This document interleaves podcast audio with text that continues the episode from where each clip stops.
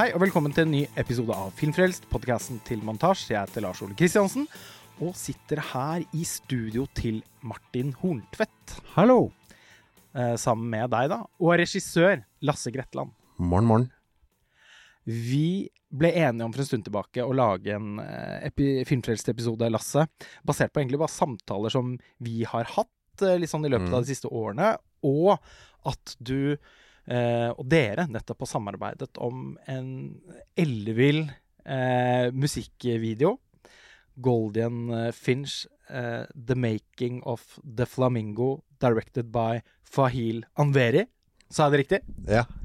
Helt korrekt. Men hvor plasserte du tødlene? Ja. Det har vi diskutert det, veldig mye.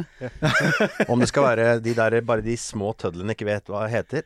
El- el- Enkel eller doble. Hermetegn Ja, eller doble. Eller gåseøyne. Om Ja. gåseøynene skal komme på rundt til flamingo, eller om den skal omslutte hele tittelen som en slags eh, Det er veldig vanskelig. Og det som er veldig vanskelig når vi skulle sende inn til Altså, om det er en musikkvideo, Mm. det er jo et godt spørsmål. For jeg var litt bekymra nå når vi skulle Eller jeg så på innsendingen til Spellemann, de har jo sånn musikkvideopris, ikke sant? Årets altså, musikkvideo. Om den liksom kvalifiserer. Ja, og så tenkte jeg Og så så jeg at det, du skal fylle ut tittel, og så skal du fylle ut regissør, og så link til Så tenkte jeg Skal det ikke være artist og sånn? Så jeg, jeg ble litt sånn sånn Altså Jeg ble litt sånn Altså, hvis de ser den, og så tenker de Nei, det, det her er ikke en musikkvideo. Så den er, den, den, den er, Det dis, kanskje den er diskvalifisert. Men du, utgangspunktet for at det, den ble som den ble, var jo egentlig at du sa at du var ferdig med å lage musikkvideoer, Lasse. Du har jo laget mange Altså, du har en track record da, som en av de absolutt eh, beste, mest egenarta norske musikkvideoregissørene. Du har også gjort masse reklamefilm. Eh, og jobbet eh, med Big Bang, Jaga Jazzist, eh, Gunderlach. Folk kan bare klikke seg inn på nettsiden din, som er veldig fint designet også, for å gjøre, bli bedre kjent med hvem du er som uh, filmskaper. Men utgangspunktet for uh, dette Den, prosjektet den, er, her den er ikke helt oppdatert, den hjemmesiden. Men uh, før denne podkasten kommer ut, så, Lover du? så lover jeg at Når kommer denne podkasten ut? Nei, la oss si i løpet av halvannen uke, kanskje, eller noe sånt. da. Da skal jeg gjøre det til helga. Ja, flott. Ja. Så bra. Eh, men uh, dere har jo samarbeidet mange ganger tidligere. Martin Horntvedt, du er eh, en på, Altså, det er kanskje ikke så mange som vet hvem navnet Martin Horntvedt er, men det er mange som har forhold til musikk du har laget. Eh, du har uh, du, Altså, du og broren din, Lars Horntvedt, var de som etablerte The National Bank Mhm. som hadde et par album som gjorde uh, veldig inntrykk på mange for en del år tilbake. Og Du vet at han Eller de har en søster òg, Er det sant? Ja, ja, hun også som heter i Nei, det visste jeg ikke. Hun spiller jo tuba, sang, klokkespill, perkusjon og fløyte. Så dere er en familie, en søskenflokk, som lager musikk. Jaga Jazzist er kanskje det dere fortsatt er aller mest eh, kjent for, Mm. tenker jeg. Eh, og, men det sier jeg kanskje også fordi det er det jeg selv har mest forhold til. Mm. Og så har du vært trommis i Big Bang. Og som jeg sa i stad, så har jo du vært liksom fast musikkvideoregissør for Big Bang og for Jaga Jazzist. Og alt her er connected. Eh, så det er jo på Dere har jo gjort masse, mange ting sammen. Eh, du har i høst lansert ditt soloprosjekt Goldian Finch, som jeg har skjønt har vært mange år in the making. Det stemmer veldig. Kan du bare fortelle litt om, om det, og, og navnet? Og det er Altså, noe ornitologisk på gang her. Ja, jeg kan fortelle. Altså det Da jeg bodde i Tønsberg fram til 1996, så tenkte jeg at eh, nå flytter jeg til Oslo. Endelig. Da har jeg venta på halve livet. Nå skal jeg endelig komme videre. Og, og da tenkte jeg nå begynner jeg på soloplata, og den kommer neste år. Og det tok jo da nesten 30 år. Så Enda lenger enn den uh, synten Ja. som er til reparasjon. Og grunnen til det er vel at Det, Det kan hende at den synten Hvis du klipper du det her sånn at øh, Hvis man refererer til noe, for det er litt skummelt hvis du, hvis du skal klippe, ikke sant? Ja. Ja, stemmer Vi snakka om en synt som var til reparasjon, og det har tatt 15 år. Mm. Hittil. Det kan Ja. godt hende det tar enda lengre tid enn det har tatt, for det er jo å lage og gi ut hatch. Og jeg tror kanskje den samtalen vi hadde om det, faktisk ikke da er en del av opptaket så langt. Men eh, da blir det et slags easter egg for lytterne til slutt. Da er vi nødt til å inkludere en bit av den samtalen vi hadde før vi trykker på play. Og easter egg passer veldig bra i og med at plata heter Hatch. Yes. Nei, altså, det tok lang tid.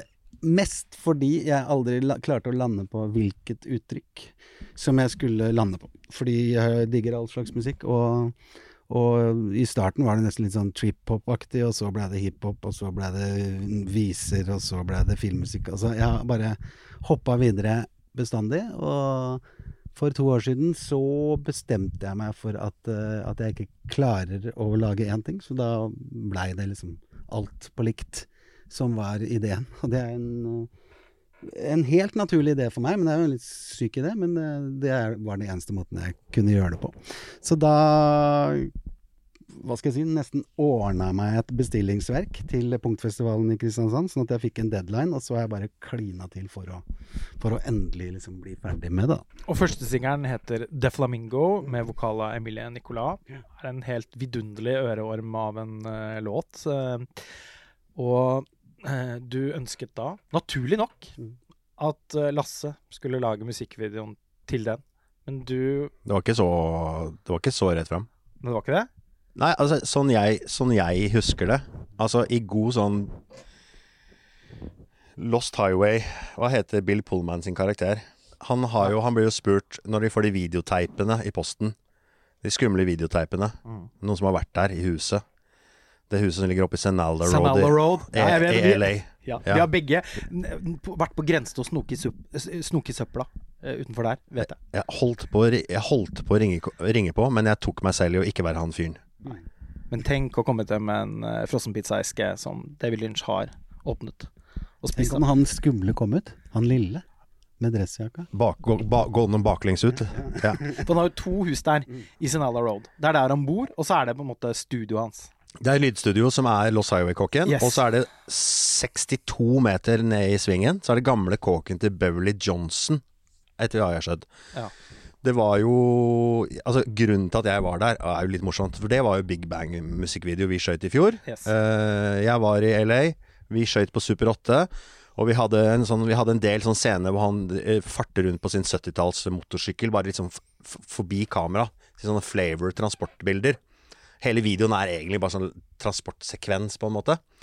Og da foreslår jeg at det er ikke litt kult at vi liksom bare Vi, vi bare ser det sånn uskarpt i bakgrunnen, det Lost Highway-huset, og så kommer du bare susende forbi på motorsykkelen.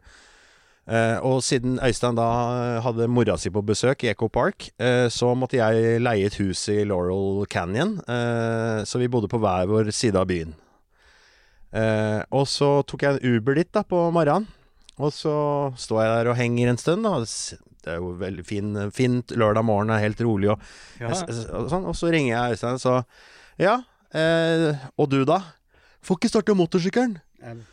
Så det ble, det ble ikke noe scene. Men, eh, men så jeg Du fikk i hvert fall vært der. Og jeg fikk Jeg har også tatt en Uber dit i ens ærend, bare for å stå utenfor, og følte meg som tidenes stalker.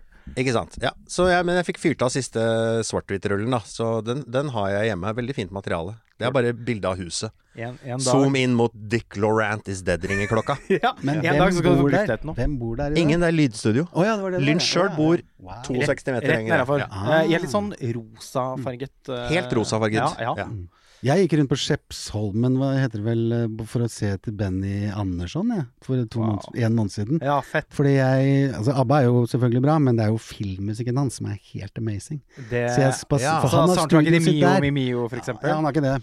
Nei, det er Bjørn Isfeldt som har. Nei. Jo. Du tenker på Brødrene Løvehjerte, du. Ja, hva, hva sa du? Mio, Mio, mio. Ja, Det ja, ja, ja, det er sant. Det er sant. Ja, sorry, fantastisk. jeg hørte feil. Og selvfølgelig Roy Andersson-filmene. Ja, altså. det er de spesielt. Men han, jeg så han ikke, men han har jo studio der. Så jeg tenkte, tenk om han går rundt her. Det har vært rått. Men uh, dere, Mm. den uh, Vi- videoen dere har laget Ja. Mm.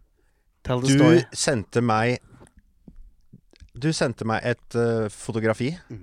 av et skateboard Ja. Hvor det sto Golden Finch. Mm. Og så dette brettet som eh, du har hengende her i studio, der vi er nå, som du ikke kan se på radio. Mm. Ehm, og så sa jeg wow, veldig kult merch. eh, er det til eh, nye bandet eller et eller annet? Mm. Eh, ja. eh, oi, sånn, sånn, et sånt har jeg lyst på. Ja.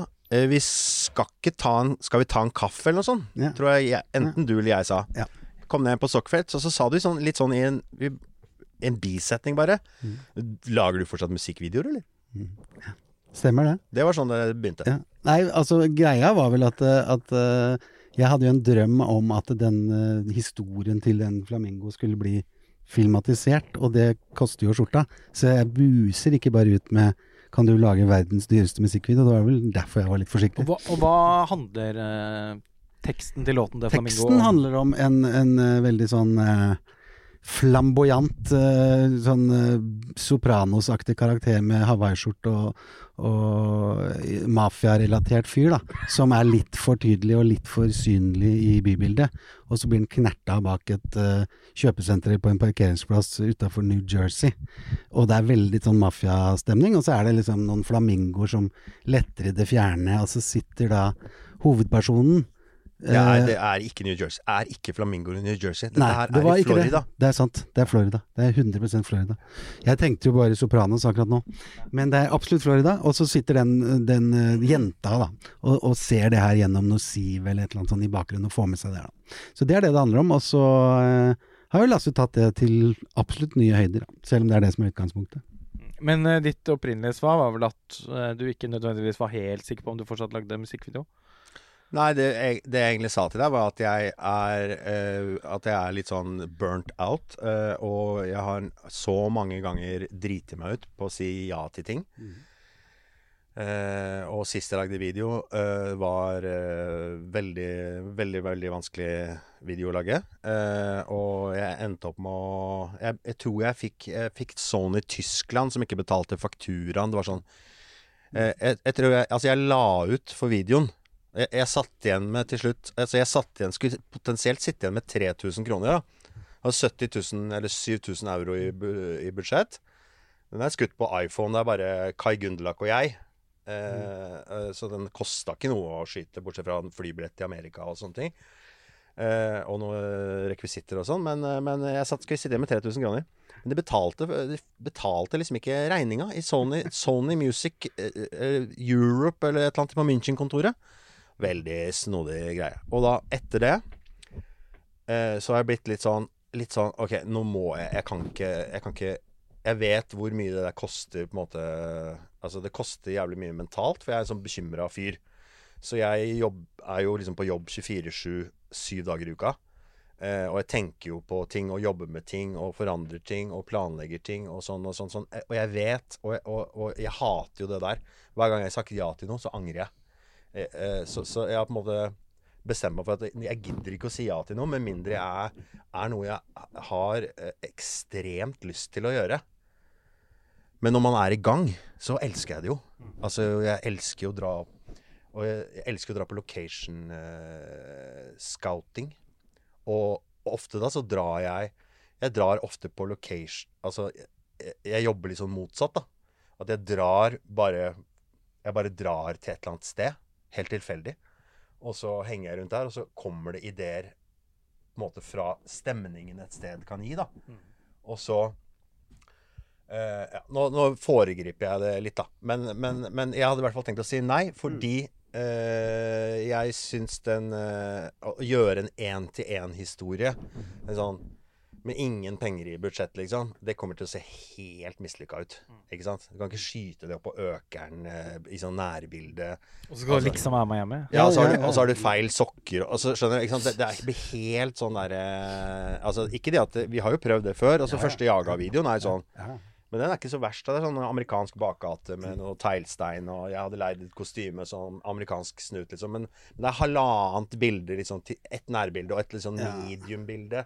Til nød, liksom. Mm. er, den er veldig sånn Beastie Boys sabotage. Liksom sånn at det er liksom det Jo, jo. er, det er politi, men det er liksom litt sånn 70-talls slengboks. Altså det er litt sånn Ja, ja, ja. Det, det, er jo, det er jo Mange av videoene mine er jo sånne ganske sånn ikke-realistiske karakterer, da. Det er jo også i aller høyeste grad med den. Ja, men nå, for nå, men nå har du endt opp med å lage en eh, dekonstruert uh, Jo, men, men greia var at jeg, jeg hørte på Jeg, jeg sa jeg, I utgangspunktet så tenkte jeg Jeg bare ah, Nei, det, det der gidder jeg ikke. Det, det, det gidder jeg ikke. Men jeg skal høre på låta, og så skal jeg stikke på hytta. Og det gjorde jeg. eh, Og det var i juni. 14. juni, tror jeg det var. Og så tenkte jeg ok, hvis jeg sier ja til det her nå, så vet jeg hva det innebærer. Det innebærer at jeg ikke har noen sommerferie. For jeg tenker på dette her hele tiden. Og jobber med dette her hele tiden. Eh, så det gjorde litt sånn vondt i magen. Uh, og jeg hadde jo et eller annet sånn litt sånn, litt sånn nervesammenbrudd òg, men det er en litt lengre historie. Ja, Og jeg havna på akutten på Ullevål i juli, som sannsynligvis kom av, av Det kom av stress, da. At jeg overarbeida. Tok bilder av hodet mitt og CT-skanning og de var sikre, Jeg sa de rette tinga, vet du, så jeg fikk liksom sånn full sjekk. Alt var jo helt fint. Hjernen min er 100% i orden, liksom. I hvert fall sånn biolog... Eller hva heter det? Eh, klinisk. Ja. Men eh, uansett, da. Så, så eh, jeg dro på hytta, var der et par dager, og så gikk jeg og hørte på den eh, låta rundt og rundt, og skrev liksom stikkord, og så bare så, så liksom så bare kom jeg til at faen, altså, den, den, den, eh, den må være litt sånn Videoen må være litt sånn slick. Eh, For det er liksom Det låter som Den er så money Låta er så money. Det er sånn høy produksjonsverdi. Den begynner veldig sånn filmat... Den er jævlig sånn widescreen. Den er jævlig sånn crisp. Den er Det er liksom sånn eh, Det er ikke sånn billig video. Det er ikke sånn punkrock-video. Det er ikke sånn Super 8-video. Det er liksom liksom Det er veldig sånn smelta smør-sang. Ja. ja, ja det, er, det er jævlig sånn Det er jævlig sånn eh, Det er jævlig sånn Den er jævlig sånn classy. Mm. Skjønner du hva jeg mener? Det er litt sånn Ikke finchy, men det er sånn eh, Jo, kanskje. Men det er, det er sånn Det er, det er, det er high end. Mm. Ikke sant? Mm. High end og ingen penger er en jævlig vanskelig kombinasjon. Og så gidder man gjøre Man gidder ikke å gjøre en sånn performance-video, ikke sant? Det eh, Det gidder man jo ikke. Så jeg hadde jo egentlig tenkt å si nei til deg. Eh, og så Du sa jo nei. Jeg sa nei. Ja. Hmm. Jeg sa nei, og så om Ja, så Sa jeg nei send, først? sendte, Jeg sendte vel jeg en litt sånn skuffa SMS, regner jeg med? Kjenner jeg meg sjøl rett? Ja, men da Ja, for du, jeg husker du sa noe sånt som sånn. Jeg sa jeg, jeg, jeg, tror jeg, tror jeg kommer til å takke nei, men la oss ta en kaffe likevel, sa jeg. Så sa du noe sånt sånn ja, ok, ja, ja, Det er ikke noe vits å ta den kaffen da. Det var liksom Det hørtes litt strengere ut, Ja. enn, men det var Det var litt Det føltes Det litt sånn føltes litt strengere på SMS enn i virkeligheten, ja. Nei, men la oss ta den kaffen, da. Liksom. Ja, Åh, ja. nå får jeg et jævla problem, ikke? for nå må jeg finne noen andre, liksom. Mm. Ja. Og bare, nå har du brukt opp liksom to uker av den uh, tiden på å finne de andre. Hva var det som gjorde at du snudde, da? Det var at jeg Det er som det er i den videoen, da, hvis lytterne har sett den videoen. Som jeg anbefaler alle å gjøre. Når dere har klikket dere inn på denne episoden og tenker at dere skal fortsette å høre på den, så anbefaler jeg Jeg å, å sjekke ut videoen. Nei, Men kan du ikke høre podkasten først, og så se videoen? Ja, kanskje Eller- er, Altså, de må iallfall komme hit i podkasten før de hører det vi sier de her, da. Så de, de Ja. har iallfall kommet hit. Så det, ja. Hei og velkommen til denne podkasten. Nå er du ett skritt nærmere å se en, en ganske flott video. Jeg tenker jo at eh, vi kan lime inn eh, videoen i podkast-saken. Går det an? Ja, det går an. Altså embedde? Ja. Ja. Men uh, for de som uh, hører via Spotify uh, eller osv., så, videre, så blir jo så, det, det, Men for de som klikker seg inn på montasje og hører podkasten i nettleser Ikke veldig mange, tror jeg. Men uh, det, de kan jo da nyte av Og der er det sikkert bedre lyd enn på Spotify òg. For dere kjører vel kanskje WAV-filler, eller har dere MP3? stemmer. stemmer.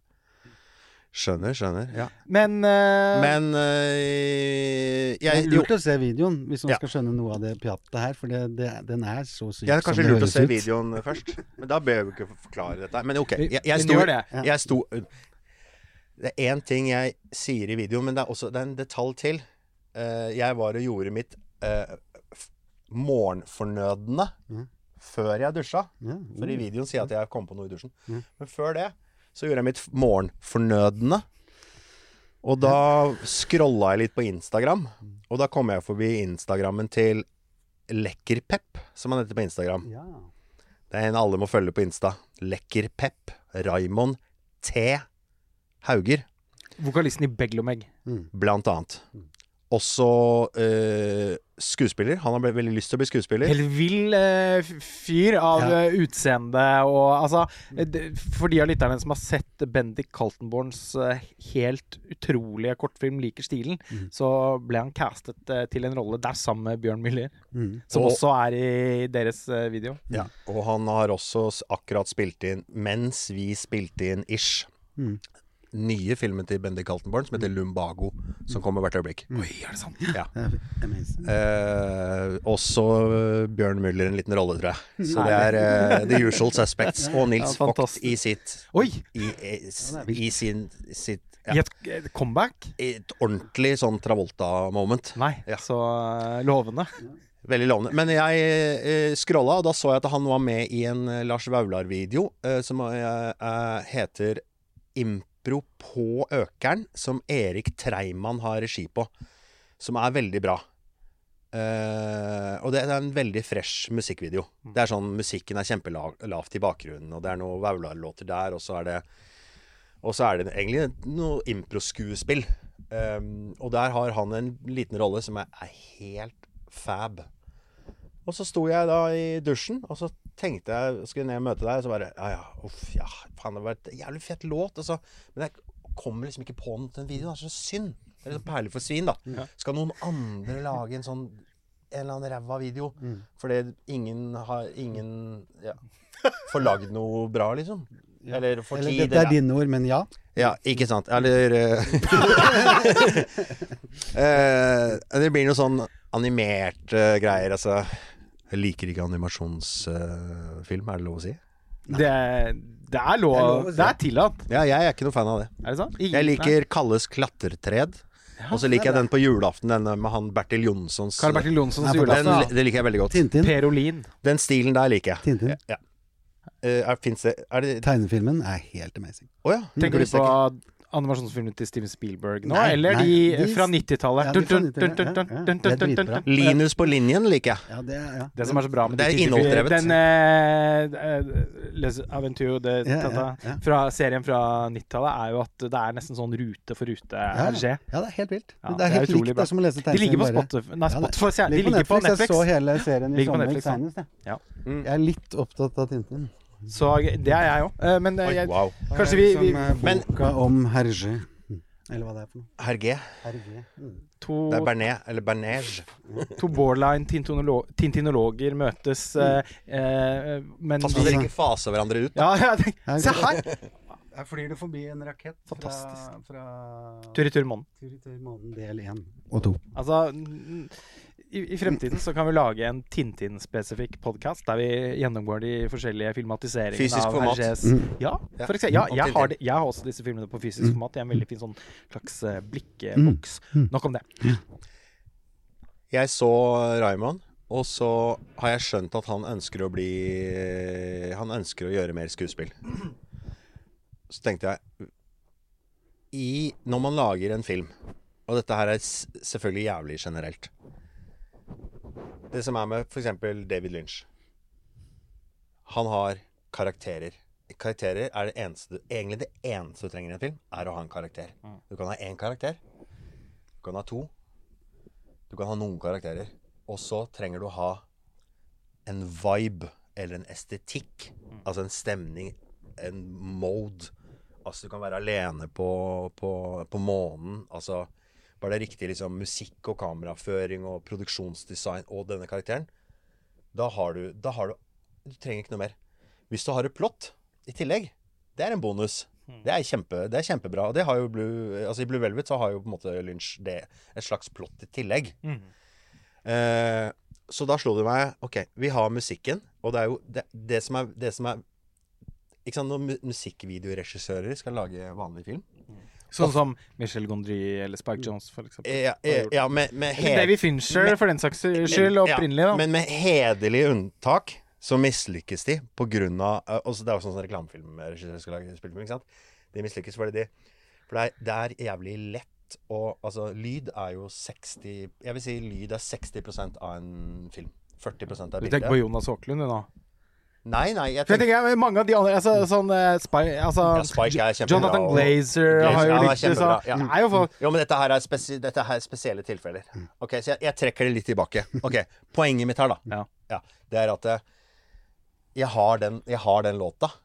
Den gir en stemning, så du får jævlig mye gratis når du lager musikkvideo. For du har jo lyddesignet. Ikke sant? Og så har, hvis Raymond sier ja, da, har jeg, da kan jeg egentlig på en måte putte hva jeg vil inni der. Ja. Så det var vel egentlig det Det var da det sa da, ja for da deg. tenkte at, da tenkte jeg at ok, nå møter jeg Martin, så sier jeg at eh, Eller på vei til å møte deg, så sender jeg selvfølgelig en melding til Raymond. Mm. Og jeg har ikke snakka med Raymond på et år eller noe sånt nå. Jeg kjen- kjente han lite grann som en slags bycowboy, ikke sant? Mm, det er det vi har kalt den. Det er det vi har begynt å kalle han, en bycowboy. Eh, en høyt og lavt. Eh, og, og jeg sendte han en melding, og der eh, spurte jeg om han var interessert i å være med i en musikkvideo eh, for Martin Horntvedt. Eh, og så sa han Sa jeg det ingen penger. Og så, men eh, jeg tror jeg har en ganske god idé. Og det, dette kommer til å bli gøy. Og så sa han Martin Horntvedt, er ikke han Stinna? Det var det første som sto. Men nei da. Nei, men selvfølgelig så er jeg med på alt du, jeg er med på alt du styrer med, Sånn.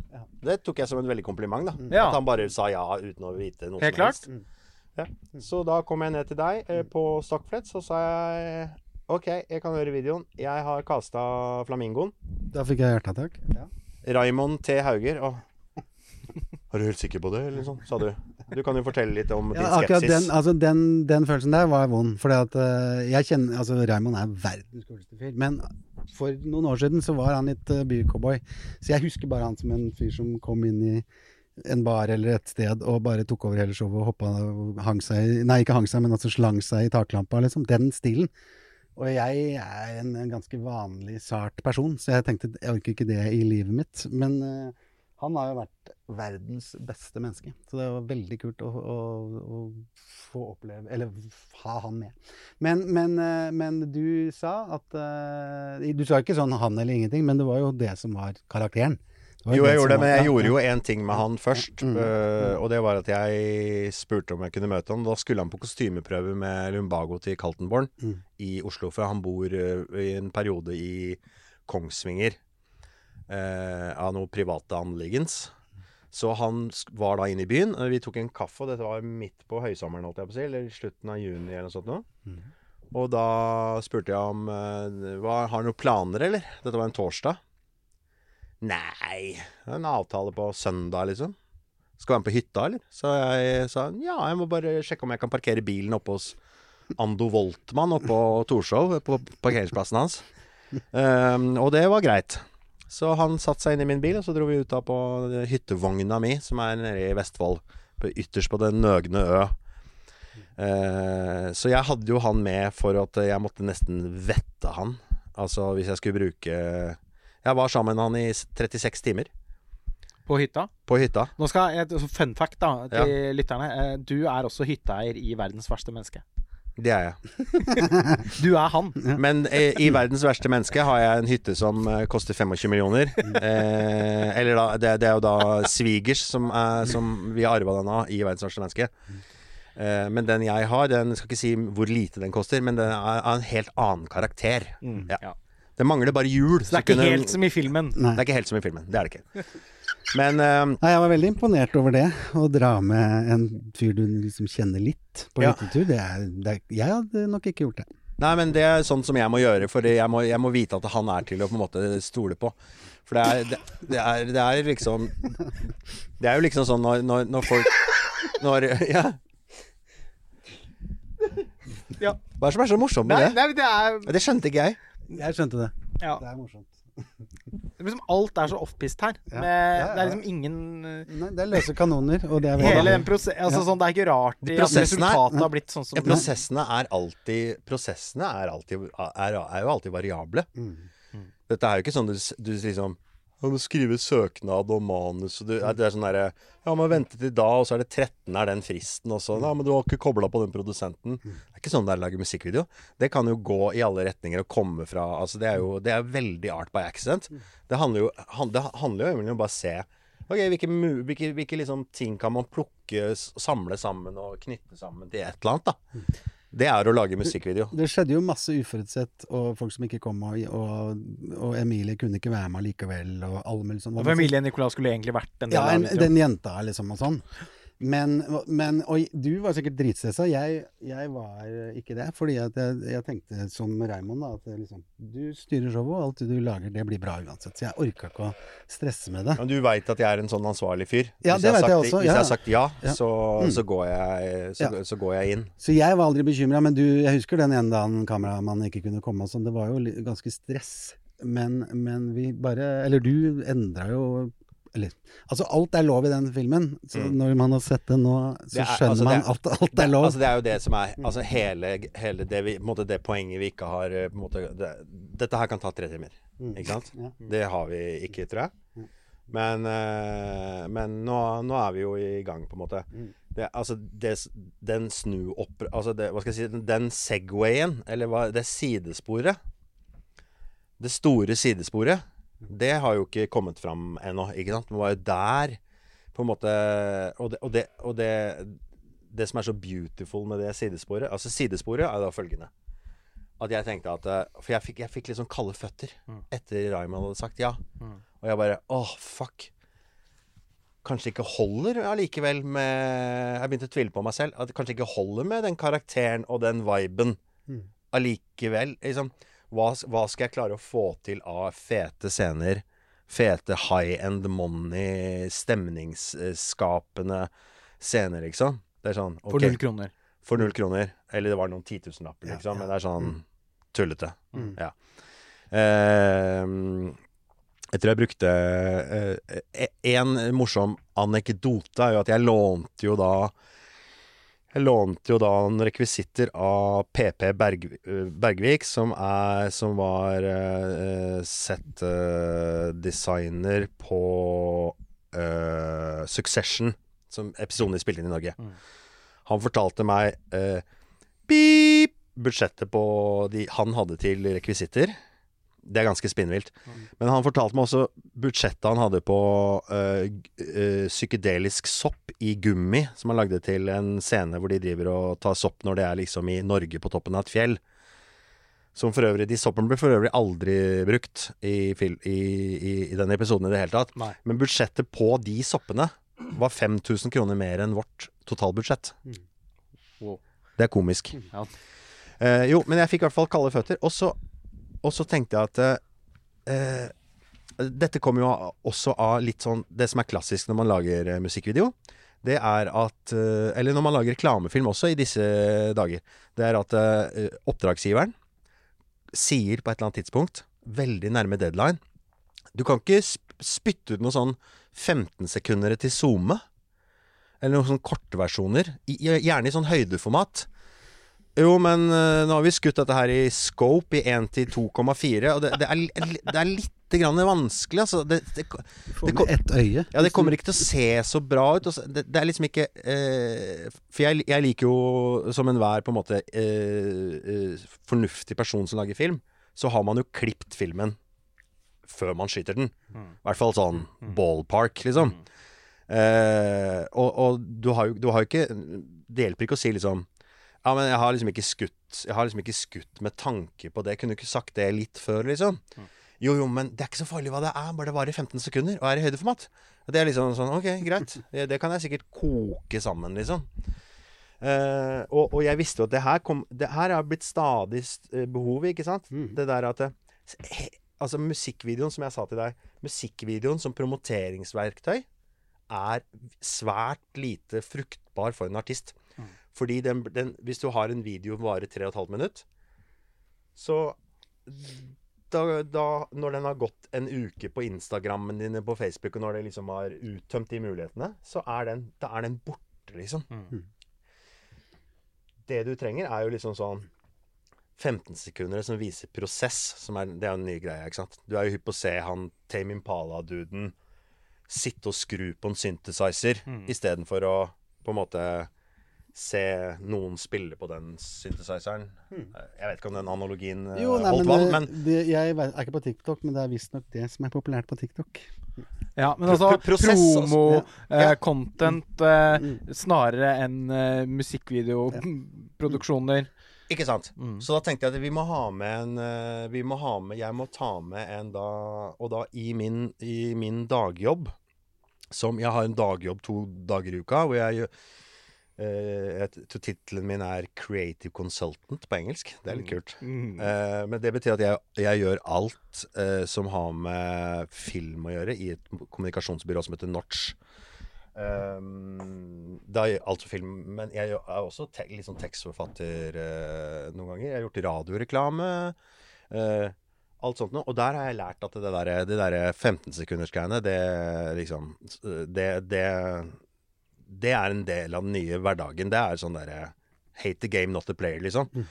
Eh, og og, det, og det, det skjønner jeg jo. Jeg skjønner, det er jo attention span til folk. Og, og det, uh, i å da promotere et produkt, om det er en film eller om det er et produkt eller hva faen det er, så trenger du de korte greiene og innblikk i prosessen og sånn. Og da, og da i den forbindelse da, så hadde jeg lagt merke til da for Sørlandschips, en av kundene våre. Så han som er sånn, er sånn litt sånn, ikke talsmann, men han er liksom endorsa Sørlandschips, det er da Fahil Anveri. Altså da 'Making the Flamingo directed by Fahil Anveri'. Fahil Anveri er på TikTok kjent som chipskongen. Så han er en sånn eh, som gjør Han gjør reviews av chips han spiser. Uh, mm, elsker den nye uh, chipsen med, med smak av wiener og ketsjup. Den får uh, fem Fem tomler opp. Og så øh, sjokolade og appelsin. Hva er det de har tenkt på her, liksom? Jeg skjønner det er påske, men ah, dette funker ikke, liksom. Eh, thumbs down, da. Så, og han er sånn eh, sånn one man-band, og så er han med på Kamelen på turné og, og har gjort masse av de NRK-scenen-greiene. Eh, vært med Big Bang masse. Det var vel sånn jeg også ble liksom kjent med han, da. Gjort noe greier uh, Han for Big Bang. danser med det Super Straight, eller hva det heter? Super Tig- Straight? Tiger State. Tiger State ja, det, og de har han fulgt. Sånn er sånn, sånn, Ja. sånn, er sånn uh, jævlig bra sånn doku I tillegg til masse annet. Mm. Sånn one man-band. Tenkte jeg at faen, jeg, jeg spør Fahil om han vil være med å gjøre behind the scenes, og da kan vi gjøre disse Det kan bli de 15-sekunderne. Mm. Og så fikk jeg huske jeg fikk sånn revelation, og da Du, du skjønte ikke helt Du skjønte ikke helt at, at Eller du hadde ikke helt fått med deg at det, dette du, Jeg tror ikke du eh, helt var med på hva den Jeg fikk sånn Ja, ja, eureka-øyeblikk. ja, ja. Mm. Men jeg tenkte på Som behind the scenes, er det noe kult, egentlig? Og så begynte jeg å gjøre research. Ikke sant? Og det er jo jævlig kult. Altså, jeg elsker jo å se på Hvis jeg kan se på det altså type Altså sånn behind the scenes på Fitzcarraldo med Herzog og Kinski og Ja, sånn. det er jo helt spesielt eh, fantastisk, da. Altså, den eh, dokumentarfilmen og 'Min beste fiende' Ikke er sant, jo ikke sant, ikke Og sant. 'Burden of Dreams'. Ikke sant? Burden of Dreams, ja. Lee, hva heter han? Les Blanc. Les Blanc. Ikke sant? Jeg er- det elsker de greiene der. Og, og selvfølgelig også behind the scenes sånn på The Shining og sånn, hvor du får innblikk i prosessen til de store mesterne. Og, Og fra liksom DVD-en og uh, Blu-rayens eh, eh, Gullalder. gullalder, Ja. så var jo bonusmateriale noe man var genuint opptatt av. Nå er det jo nesten ikke bonusmateriale lenger. nei, nei, nei, ikke sant? Og så, så, og så, og så, te- og så tenkte jeg Så begynte jeg å gjøre research på eh, MTV hadde jo da det som het Making the Video. Mm. Eh, de, den gikk i 17 sesonger. Fra 1990 til 2007 eller noe sånt. Nå. Det er lagd 100 og noen og 30 episoder. Og så av sånn research-hensyn så så jeg en Foo Fighters Det var siste de gjorde, var med Foo Fighters. Varte i 35 minutter eller noe sånt. Nå. Og du, altså, det er så kjedelig. Det er så dårlig. Det er, øh, og så tenkte jeg at nei, nei, det her, det her det De må jo bare jeg, jeg skjønner, eh, eh, Var de så tidlig ute med å skjønne at folk bryr seg ikke om hva- liksom, hva de ser på, bare det er noe som skjer? Eh, at de får liksom innblikk i Det er jo he veldig, veldig veldig svakt. Og det er sånn Det er en sånn Beyoncé-greie hvor hun søler latter på skoen sin, eller Det er sånn You gotta meet uh, Britney Spears er toxic. You gotta meet Tony, the choreographer. He's so cute. Altså Det var derfor de la ned, hvis det var så ræva. Nei, men det jo Det gikk jo 17 år. Jo, jo, men da skjønte de det. Det, det er helt, det er helt spinnvilt. Og så tenkte jeg Det er jo jævlig kjedelig, så hva, hva skal være gøy? Altså, hva er det som Og så visste jeg at det, det kommer alltid når vi lager musikkvideo, og i hvert fall med Raymond, så tenkte jeg at det, her kommer det til å være muligheter for gøye behind the scenes-greier. Men da skulle vi fortsatt lage hele det Flamingo. Jeg hadde skrevet masse, eller flere scener og sånt nå. Så tenkte jeg at faen, det er litt svakt. Jeg har liksom, jeg har liksom fem scener. Jeg har liksom etableringen. Han rømmer fra fengsel. Uh, han driver med Vi etablerer han som en sånn multikriminell. Han driver gjør alt fra sånn Han, han, han selger jo altså sånn håndtering av radioaktivt uh, avfall til helt sånn én-til-én drugdealing med sånn veldig tvilsomt narkotika, til eksportavtaler mellom Japan og Norge med forfalskede kontrakter og frossenfisk og det er, han, han, han opererer overalt. Litt Olsenmannen, han han er veldig Ja, veldig Olsenmannen Ja, og så, og så ser han jo også, Han er en blanding av Ols, altså Dynamitt-Harry og Push-Wagner. Altså, det er liksom eh, Den er jo Så tenker jeg at ok, han jobber for en sånn Eventuelt han lumske dansken i ja, ja, dansken. Ja, ja, ja, ja. Han dansken, han er bra. uh, faen, det er jævlig bra. Men, men ikke sant. Og så- jobber han på Og så hadde jo den twi twisten, ikke sant. For du var sånn Du har jo alltid lyst til å komme inn på det japanske markedet, ikke sant? Ja, jeg elsker jo liksom alt som har med Vi elsker jo Japan. Ja, ja. Og nå sitter det jo tre japanologer her, ikke sant? Ja, det Det- stemmer. eller japano- Det altså- det sånn, japanofile, mener jeg. Det, det, det, er, det er sånn vi ble kjent. At er sånn vi, vi begynte kjent. å snakke Japan. Ja, for jeg var i Japan, og så tror jeg jeg sendte deg en melding på For vi har egentlig ikke kjent hverandre i noe særlig grad, men vi har møttes i Cannes, i Los Angeles på Oscar-utdelinga. Ja. Bergen I på sånn- Bergen på Biff. Bergen på Biff. Det er, tror jeg sånn første gang vi møttes for noen år siden der, og hvor vi Ja. ble sittende og snakke veldig mye om Japan og Los Angeles. Ja, ikke sant. Og så var, skulle jeg til Japan to måneder, og så Ja. spurte jeg hvor er alle Hvor er liksom hvor er, Har du peiling på noen bra platesjapper? Og så fikk jeg sånn 40 siders svar med sånn helt sånn Helt detaljert sånn derre Ja, da går du inn der, men ikke i den avdelingen. Da spør du etter Der er det 200 meter, så er det fem kvartaler ned der. Den er jævlig bra. Og spesielt for jazz. Da går du opp i andre etasje. Og hvis du skal på restaurant, så er det sånn Da må du sjekke ut den og den. Og da, hvis du trenger å få reservering, så har jeg e-posten til kokken. Så det er sånn helt sånn insider. Det var vel egentlig sånn det begynte. Ja. Men uansett, altså. Så jeg var i Japan to måneder i vår. Eh, og etter det så Og så har jeg alltid vært fan av i Japan. Og jeg har jo casta har jo hatt en japaner, Toshi, som bor i Norge. Eh, Toshi har jeg casta et par ganger i reklamefilmer og sånn og sånn. Eh, elsker de Elsker de japanerne. De er helt fantastiske. Og så tenkte du at faen, jeg har litt connections i Japan. Vært kult å lage noe litt sånn japanaktig. Og så fortsatte jeg ja, men la oss i, lage japansk mafia Mm. istedenfor sånn, sånn Sopranos-mafia. Mm. La oss lage japansk mafia. Og For la- rammehistorien her, hvis det er mulig Ja. å kalle den- den det, ja. foregår jo på en japansk isakaya. Ja. Ja, Mm. og det er jo da Denne kriminelle jobber jo da Denne multikriminelle som s- eh, han, han eh, Altså, det som er Som jeg sy- syns er litt komisk, da Jeg vet ikke om noen andre syns det er så komisk, men i mye større grad enn om det hadde vært eh, eh, amerikansk eh, mafia, så er det sånn Disse japanerne, de vil bare ha fred og ro. Ikke sant? Og de har jo eh, Brifen til kostymeavdelinga er jo sånn at eh, vi fant liksom ikke koselige nok gensere til de. Nei. For jeg ville at de skal være, ha, være innmari sånn søte og koselige med sånne Arne Treholt-briller. Og så er det en scene jeg glemte å skyte. Det er så irriterende. Jeg hadde, jeg hadde en japansk avis. Det skulle være åpninga inne på den uh, Isakayaen. Mm. Skulle jo være at det, det var en som streka under et program man skulle se på NHK. Den japanske NRK-avarten. Uh, så de er så veldig kjedelige. Veld, veldig, de vil bare ha fred og ro. Og hvem er det du da ikke skal ansette? Du skal ikke ansette The Flamingo. Og i, my, I mye større grad enn om man hadde jobba for amerikansk mafia. Så tenkte jeg at det er mye gøyere kontrast. Kontrast, ja. ja. Eh, det er visuelt helt fantastisk. Eh, og, altså Konoji, som vi har filma, er jo et vanvittig stilig sted. Jeg, jeg gikk og henta den sjutommeren, fordi det var litt sånn at vi måtte låse Det var det vi måtte låse før Ja, sommeren. Altså, jeg løp innom her og tok masse bilder på, på Konoji for å bruke det på eh, syvtommeren, som måtte gå til trykk. Og da sa jeg til Lasse gjør hva du vil, men det må ende opp på Konaji, for ellers så er det jo helt meningsløst, dette coveret. Så og jeg visste ikke Og jeg visste ikke om du hadde snakka med da Fredrik Ja. Koppen, Ja. the artist, Ja. Mm. Eh, om å få lov til og sa, Du sa til meg det er ikke noe problem, vi kommer til å få lov til å filme der. Ja. Og, så, og så drev jeg og pusha litt på deg Mm. noen ganger. Har du snakka med Koppen, eller? Nja, det går sikkert bra. Mm. Så tenkte jeg aff, jeg orker ikke det der. Jeg Nei. går innom sjøl. Ja. Og så øh, da, da brukte jeg et sånt musikkvideotriks, da, som er Koppen, hvis du hører på nå. Uh, dette her gjorde jeg for å For uh, vi har jo ikke penger, ikke sant? Og så, så, så, så, så driver jeg sånn elger meg inn på folk jeg vil ha noe av. Det har jeg gjort noen ganger på den produksjonen her, da. Blant annet på den togscenen, den kan vi snakke om senere. Men um, jeg, jeg tenkte at ok, nå skal jeg øh, bli liksom buddy med Koppen. Før jeg spør om vi kan øh, filme der og, ja, det og får det gratis. Mm.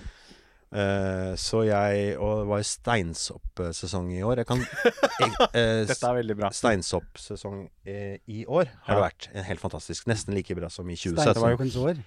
Helt utrolig kantarellsesong. Det har også vært veldig bra kantarellsesong, men og steinsoppen har vært nesten like bra som i 2017, som var sånn Mm. Det er nesten som Bourgogne-årganger. er sånn Mm. 2005 fra venstre venstresida av ja, dalen. Ja, uansett så dro jeg i hvert fall opp i skauen, for jeg visste at han var veldig matinteressert, eh, koppen. Ja, eh, og så plukka jeg steinsopp, og så tok jeg med steinsopp inn i en kurv til han. Nei, det jo Og så, så liksom sånn Hei, vil du ha de? Ja, oi, den var fin. Ja, bare ta den. Jeg to, så jeg ga han fire sånne ganske flotte steinsopp, da. Og så var det sånn Ja, jeg håper vi kan filme her, og sånn. Ja ja, det går sikkert bra, det, altså. Så det var liksom Dette er eh, sånn jeg har kjent Lasse hele livet. da Det er sånn han har holdt på siden han var kanskje 15 år. Jeg har, alltid vært en, jeg har alltid vært en hustler, og det var sånn vi fikk den En sånn koselig form for mafiavirksomhet, Ja, ja, ja, ja, ja, ja. rett og slett. Og, og, dere Jeg kaller meg en opportunist, og det er Alle, alle sier at det er så negativt. Jeg ser etter opportunities, og det er ofte vinn-vinn. Mm. Og det er ikke noe negativt i det. Jeg syns det er en helt eh, nydelig måte å, å jobbe på. Eh, og er dere går jo way back, da, fordi eh, dere hadde jo deres formative liksom, ungdomsår i Tønsberg. Mhm. Norges mørkeste sommerby. Ja. Blå-blå Tror ikke folk Tønsberg. flest er enig i det. Nei, men men du kommer fra Raddis jazzklubbgjengen, og det er, det er de som klamrer seg fast i kultur og ja, ja. musikk og og ålreite verdier og sånn. Og så har de derre mm, bekblå brygga i- Havariet. Ja, ja. Esmeralda. Ja. Altså, jeg har faktisk Heralda, tilbrakt veldig mye tid i Tønsberg. Jeg, jeg kommer jo fra Tønsberg i dag, og 20 000 i bot og pissebakket hjørne hvis du må, liksom. Oi. Ja. Er du fra Sandefjord? Nei, jeg er fra Holden. Ja. Eh, motsatt side. ja, ja, men du sa du skulle skal til Sandefjord. Nei, ja, men altså, jeg skal til Sandefjord senere i kveld, ja. Ja. Men jeg kommer jo fra Tønsberg i dag, og da jeg sjekket inn på hotellet der, så fikk jeg vite at det var 30. gang jeg sjekket inn der. Eh, så jeg har vært eh, mye i Tønsberg eh, Wow. fordi jeg har vært eh, der med Den kulturelle skolesekken Ja, ja. og formidlet film i Skjønner. årevis. Ja. Så jeg har også et forhold til, eh, Nei, til altså når vi vokste opp Vi er jo noen år yngre enn Lasse. Og Lasse er, var jo skatehero. Og, og, og jeg, jeg og Lars, min bror, vi var jo på NM i skateboard i 1989 og så Lasse vinne NM i skateboard. 1990. Takk for det. Og, og da, han vant over veldig mange av de største stjernene vi har her i landet. Eh, Men Joakim Trie var ikke med, da, for han hadde, han hadde brukket benet sitt. samme med Greni. Han med, vant i 89. Ja. Og i 91, tror jeg. Jeg var ikke med i 91. Og alle var, alle var der. Alex Kayan Bakis og Øystein Grenje. og Alle legendene var der, så det var helt utrolig på Jordal Amfi. Men, men eh, han, Lasse, spilte i band som vi digga, som het Planet B. Som var Som sagt, de var jo eldre enn oss, og de var jo lenger framme på alt mulig. Hadde jo eget plateselskap og kjente folk i Oslo og sånn. Så første Jaga-skive er jo faktisk gitt ut på Lasse Gretlands selskap. Og hva han tenkte om oss da, det vet jeg ikke, men det var, i alle fall, det var vår vei inn i voksenverden, da. Det er morsomt. Mm. Eh, Den er gitt ut på Thug Records, så det er jo veldig morsomt, fordi jeg, jeg har, jo, har jo glemt det. Det er jo første utgivelse på Thug. Eh, Nei, eller- Nei, nei, det er det ikke, Nei, men det, er, ja. det er Thug 005 eller noe sånt. Vi ga Det ut finnes 1000 X, og det er liksom uh, så mange. Ja, så Ja. mamma, pappa På og liksom de eh, nærmeste i Tønsberg har den selvfølgelig, og så har jeg gitt den til et par japanere som har vært helt ville. Men det er det som fins. I håp om å bli big in Japan. Nei, nei, men det er jo sånne folk som Kom, kompisen til mutter'n på coveret, ABBA. Ja, ja, Abbas, maleren. Ja, Ja. fantastisk. Tønsbergs første afrikanske ættede mann. Ja, Ja. tviler jeg ikke på. Hmm. Eh, men eh, Ja, så dere ble jo egentlig kjent eh, gjennom til dels skatemiljøet, og at Ja, du liksom, så opp til Lasse tida som en skikkelse. Eller, Da var jo de eldre enn oss og syns Ja. jeg visste ikke hvem vi var engang. Nei. Men etter hvert, når Jaga begynte å så visste han sikkert det. Og, så, eh, og når vi flytta til Oslo, og Lasse tror jeg flytta etter meg, jeg husker ikke, men iallfall i Oslo så blei vi kjent. Mm. Det var, da var det jo liksom Da er man jo voksen. Før var vi jo veldig barn. Altså vi var jo 11-12 år. Så det er ikke så rart at ikke de 17-åringene syntes var vi Eller visste hvem vi var. Nei, så de var jo Vi, vi spilte jo i indiebandet Planet B. Vi, altså, vi kunne jo ikke spille. Eh, men de kunne jo De var jo sånne wunderkind, ikke sant? Ja. Sånn Børud-gjengen-aktig. Nei, de eh, Nei. Det var litt, litt sånn Det var litt flinkis. Men dere hørte jo helt sikkert på Weather Report sånn når dere var tolv år, Det var liksom. det vi ikke gjorde i det hele tatt. Vi hørte Nei, de- på indie-rock og, og Public Enemy og NWA. Ja. Men vi var gode til å spille, men vi hørte ikke på sånn god til å spille musikk. Jeg tror vi var sikkert litt fordomsfulle, for vi hørte jo på, vi hørte på det samme. Vi hørte på Dead Kennedys Ja. og, og Public Enemy og Skata og, og sånn, og tenkte at ah, de der De er, er jo litt streite, de Ja, vi kom jo fra korps og, Ja. og var 13 og 14 år. Er Du sånn- på den tiden her jobbet vel også på kinoen i Tønsberg? Eller men sånn Jeg- jeg merkelig som kino- filmklubb? Jeg jobba som kinomaskinist med, med Tønsberg Filmklubb, ja. Den var ganske merkelig. Ja. Den var ganske Fisk, merkelig. spør du meg. Ja, ja, jo, men også ganske merkelig. Det var jo noe folk som var på spekteret der. Ja, det var det. Ikke noe som er galt i det, da. Vi skulle jo ha fortalt noe Vi skulle jo fortalt Mye bra en folk på gang Spektret. om- Ja. ja eh, og jeg husker du fortalte en gang om eh, det liksom Det rommet hvor du satt og, og, og styrte og pleide å liksom holde en Big Mac-et fra McDonald's varme. Ja, for det var jo ofte sånn eh, Man hadde jo ofte litt sånn På den tida så hadde man jo Man hadde ofte litt dårlig tid. Man kom sånn to minutter etter du skulle begynt å slippe inn til femmeren, liksom.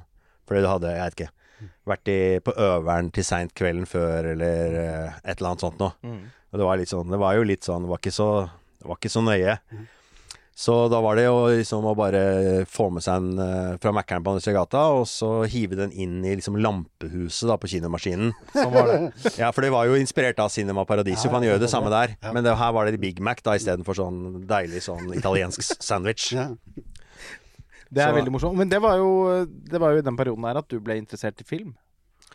Ja, jeg ble jo veldig interessert i film, fordi jeg så jo da Jeg så jo helt insane mye film, for å si det mildt. Jeg så jo alt som var der, og, og ofte var det jo sånn før i tida, så var det jo sånn at filmene kom jo Når de kom på fysisk format, så kom de jo gjerne Noen ganger kom de en uke før de skulle settes opp. Nå er det sikkert masse sånne koder og sånn de har full kontroll på. Kan jeg tenke meg, da. På Ja, ja. hvem som har filen. Og-. Den har sånne eh, logger, logger ja. så distributøren skal se at ingen liksom kopierer og sånn.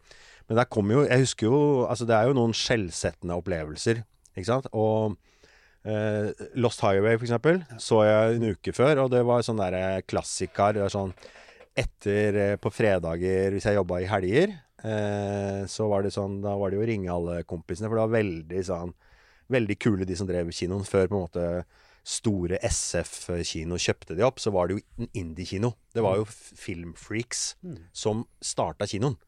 Det var jo helt drevet uten kommersiell eh, innsikt i det hele tatt, liksom. Det blødde jo penger. Det var jo bare Jarmusch og Hal Hartley og, og? Det var helt nydelig. Rik, altså de rike på kino. Begge på 35 Ja, det var alle de klassikerne. Altså, det Altså- var jo Some Like It Hot og Whitney Lenai og alt det Altså, der så jeg jeg var Tønsberg kino var, var som et slags cinematek i Tønsberg. Men, det- og, og det var jo bare 50 stykker som var der og så de filmene. Det var de samme 50 folka hele tiden, liksom. Det var jo helt fantastisk. Og der hadde jeg siviltjeneste, da.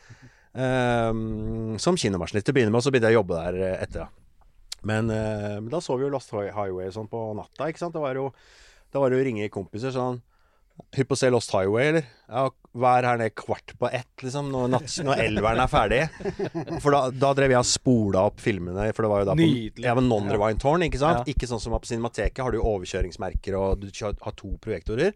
Vi hadde de, vi, og det var, ja, den var veldig high end, den eh, kinoen. For det, eh, Lasse Thomassen, som var teknisk sjef, han var også hifi-freak. Eh, og var veldig opptatt av Så hver fredag Det er der jeg lærte den der liksom disiplin, disiplinen med å liksom med å, med å gjøre ting Eller gjøre ting litt ordentlig, da. Eh, sånn med lydkvalitet og bildekvalitet og sånn. Hver fredag så var det sånn stille Dolby-nivåer på de forsterkerne. Kalibreringssoftware, målemikrofoner. Vi stilte eh, Lux og Lumen og alt det der på projektoren. Eh, vi hadde tannbørster i, i mattskivene, eh, så det ikke blir sånne stygge, sånne eh, uskarpe skygger på, på kanten av framen. Eh, vi hadde liksom de beste kinomaskinene Jeg husker ikke hva det heter, men det var Zeiss-optikk. Det var liksom Det var sykt bra utstyr der. Det var veldig high end, og det var en av de første THX-godkjente indie-kinoene. Eh, og jeg tok jo da kin- kinomaskinistsertifikat der. Ehm, I 94 husker jeg Jeg husker at vi skulle, vi skulle, dra, vi skulle på Roskilde samme dagen som jeg hadde eh, eksamen. Kjørte opp. Ja. så jeg kjørte opp, jeg kjørte opp, og så var jeg sånn, husker jeg at det, eh, det, sånn, det var sånn den bekymra fyren i meg som tenkte Jeg tenkte Jeg gleder meg til å dra til Roskilde, men jeg tenkte heller på faen, hvis jeg stryker nå, så blir ikke Roskilde noe kult. Nei. Ikke sant? Men jeg sto jo med Flying Colors av Rolf Gjestland fra NFI, som var Selveste Rolf Gjestland. jockey. Ja. Eh, så det var, og da tok vi fly fra Torp, husker jeg, til Kjøben. Erik Teigler og jeg Tugg, som jeg spilte i, i, i band sammen med. Er det kinoteknikk den uh, boka til ja, Gjestland ja, heter? Ja, ja, Kinoteknikk 1 eller noe sånt i sort-hvitt. Yes. Uh, Den har jeg på hylla, selv om jeg sjelden har rørt i et film. Ikke sant? Ja. Så, nei, så vi så liksom, så, så liksom Lost Highway på natta. Da var det jo sånn derre ja, ja, Vi betalte kanskje en slant, men det var litt sånn gratis popkorn og sjokolade og cola i Og så var det å sitte og nei, Det var jo også lov å røyke. Det husker jeg. I første åra så lov å røyke. Så vi satt og, vi satt og røyka sigaretter inne i kinoen og spiste godteri og så på Lost Highway på natta. En uke før de andre. Det var ganske digg. Jeg var ikke det, jeg var for ung. Men eh, du er jo også filminteressert. eh, fordi som har et eh, forhold til Jaga sist, så kan man jo eh, høre i mye dere har laget, da, at dere er inspirert av eh, filmmusikk. Mm. Eh, jeg syns jeg hører elementer av eh, noen italienske filmkomponister, Riso Ortolani f.eks., eller til og med av i noen tilfeller jeg tenker på Claudio Simonetti og mm. Bernard Herman, åpenbar referanse. Mm. Jeg eh, Altså, da jeg var eh, ti eller elleve år, så så jeg Cinema Paradiso på, på kino i Tønsberg. Og den merka meg for livet, og, og det er liksom eh, Den filmmusikken der med Ennio Morricone, det, det er det grunnen til at jeg elsker filmmusikk og driver med filmmusikk. Så det er jo eh, Vi skjønte jo, da jeg og en kompis, vi skjønte jo kanskje 40% av filmen, for det var jo voksenfilm. Mm. Men Musikken. han kidden og, og, eh, og den filmmusikken, merka meg for, for livet. Så det er, eh, det er virkelig noe som det er, Jeg var på Ennio Morricone-konserten på Telenor Arena, og det, jeg har faktisk aldri vært så mørbanka i kropp og sinn og sjel. Jeg smelta utover stolen der. Fordi jeg blei så Det var så Altså ikke starstruck, for det handler ikke noe om det, men jeg bare sånn Det her skjer ikke i virkeligheten. Jeg fatter ikke at han 90-åringen står Vi så på fjerde rad, liksom, så var det veldig spesielt. Jeg er fortsatt utrolig bitter for at jeg ikke var der. Foreldrene mine, eh, Ja. broren min altså sånn, alle, Hele familien min, nivøen min, alle var der. Ja. Men jeg var utenlands. Eh, Ja, nei, det var en, eh, å bare ha heldig Og det var jo ikke lenge før han Nei, bort. nei, det var jo et år eller noe, tror jeg. Mm. Så, nei, så det, det var litt der det starta. Og så spilte jeg jo band og holdt på masse. Og så, men så kjente Det var søstera mi som kjøpte masse filmmusikk som jeg ikke skjønte noe av, for det var jo samme tema som gikk eh, 30 ganger. Jeg fatta ikke åssen du gadd å høre på det. Men det er jo det som jeg elsker mest nå, det er jo at det temaet går 30 ganger. Så da husker vi så eh, hørte på Sykliske soundtracks. Veronicas uh, To liv, ja. liv og Og Preisner. og, og, ja, og blå, hvit og rød. Alt det der på 90, og, og så selvfølgelig alt av Bjørn Isfeldt, som har lagd mye for Astrid Lindgren og sånn, som er min Og en kjærlighetshistorie til Roy Ja, Andersson. ja, helt utrolig. Jeg er min største helt. Det er faktisk det eneste mennesket jeg har drømt om at han skulle jeg gjerne ha møtt. Mm. Eh, Å ligge med. nei, det måtte ikke bli det. Men, men det er liksom ikke så. Hvis jeg måtte ligge med én person, så er det vel Bjørn Isfeldt, da. Men, uh, men jeg har jo tenkt sånn der Møter jeg Springsteen på gata, så kommer jeg ut og knele. Ja. Men jeg har liksom ikke noe Jeg har ikke noe lyst til å spørre han om noe. Eller, det er ikke, jeg lurer ikke på noe. Nei. Men Bjørn Isfeldt, så det, der lurer jeg på ting. Ja. Eh, masse. Eh, så han Jeg skulle gjerne møtt han, men han døde jo i 97, eller hva det var. Ja. Mm. Eh, ja, og er jo en av gigantene i svensk filmmusikkhistorie. På linje med Great. Georg Riedel og, ja, og eh, Benny Ja. Andersson. Ja, jeg har møtt Georg Riedel. eh, Og Jør- Jørn Isson Lind. Og, ja, ja. Mm. Det var veldig gøy en gang vi spilte i Stavanger med Stavangens symfoniorkester. Så ser jeg at det, det er tom sal, for det var lydsjekk, eller øvelse, da. Så ser jeg at det kommer en gammel mann og en dame, og, og Stavanger, nei, Stavanger Jazzfestival sin sjef, da. Mm. Så tenker jeg jøss, jeg kjenner henne ikke igjen, men det her må være Georg Riedel. Så jeg løper, bare driter i trommene, eller hva jeg skal si. Så jeg bare løper ut. Og, og, og eller jeg løper innom min søster og sier finn, 'finn så mye merch du klarer'. Og så løper jeg ned til han, og så håndhilste, og så liksom 'Dette er din største helt', og alle disse tinga. Men han satt jo helt i sjokk, for det er et orkester på scenen med 100 musikere. Plutselig så kommer trommeslageren fra en halv kilometer unna og løper ned til han, så han ble helt satt ut. Men, han, Men det var, han- det var han. Det var han. Og, og, og han satt der hele lydsjekken og bare satt og måpa. Så det var fantastisk. Det var et stort øyeblikk. For en utrolig anekdote. Georg Grill, som eh, har laget eh, Altså, han har jo gjort så utrolig mye bra, da, men et av mine absolutte Fortell meg. Jeg har ikke peiling hvem det er. Nei, altså, eh, et av mine absolutte favoritter av filmmusikk, men som dessverre ikke er utgitt, da. Eh, det er soundtrack til eh, Alla vi barn i Eller, det er jo ikke et soundtrack, men altså filmmusikk, den originalkomponerte filmmusikken til Alla vi barn i Bullebyen-filmene. Han tok over halvveis Pippi når Jan Johansson døde. Ja. Og så, han er bassist i, i jazzband. Han er typ sånn Jeg husker ikke om det er han som spiller bass på, på, på den julaften Carl Bertils jul, men det kunne like godt vært han på bass. Det er ja, den gjengen. Det er sånn Bo Hansson-stil. Ja, sånn eh, sånn gjengen, eh, ja. skogs... Alfons Aaberg Ja, ja, ja. Det er sånn Emil Uten diskant. Mm, Ja. ja, Nei, så du har et Mjuk skogsprog. Ja. Alle som har vokst opp i Skandinavia i, i, i, i vår generasjon, ja, altså sånn enten på 70-, 80- eller 90-tallet, har jo et forhold til Georg Grillen. Men eh, eh, det, det morsomme nå er at denne episoden begynner å ligne litt på liksom, filmen dere har lagd. Altså at vi, vi, vi, vi går sånn i sirkler. Vi, vi begynner langsomt begynner å avtegne Jeg, seg. jeg må skyte inn at jeg visste aldri om Lasse var i karakter eller ikke. Fordi han gikk helt Ja, jeg- sånn der har ikke- man vi- on nei, the nå- moon. Nå, nå, for, nå, for, nei, men altså, sånn, det er det jeg mener. At eh, jeg, Ja, visste nå- aldri, jeg visste aldri om Sier du det til meg nå, eller sier du det som karakter? Jeg veit ikke, jeg må bare Ja, her. for den. Man on Moon-referansen, det er jo da Jim eh, Carrey eh, sin oppførsel Ja. i rollen som Andy Coffman i Man on the Moon, som der er laget en egen utrolig morsom dokumentarfilm om, som gjorde at eh, Milos Forman begynte å ble liksom fem skritt nærmere døden. Ja. Eh, Jeg var ikke fem skritt nærmere, men han blei. altså, det, han var som en svart mamba, på en måte, Jim Carrey, den, under den produksjonen.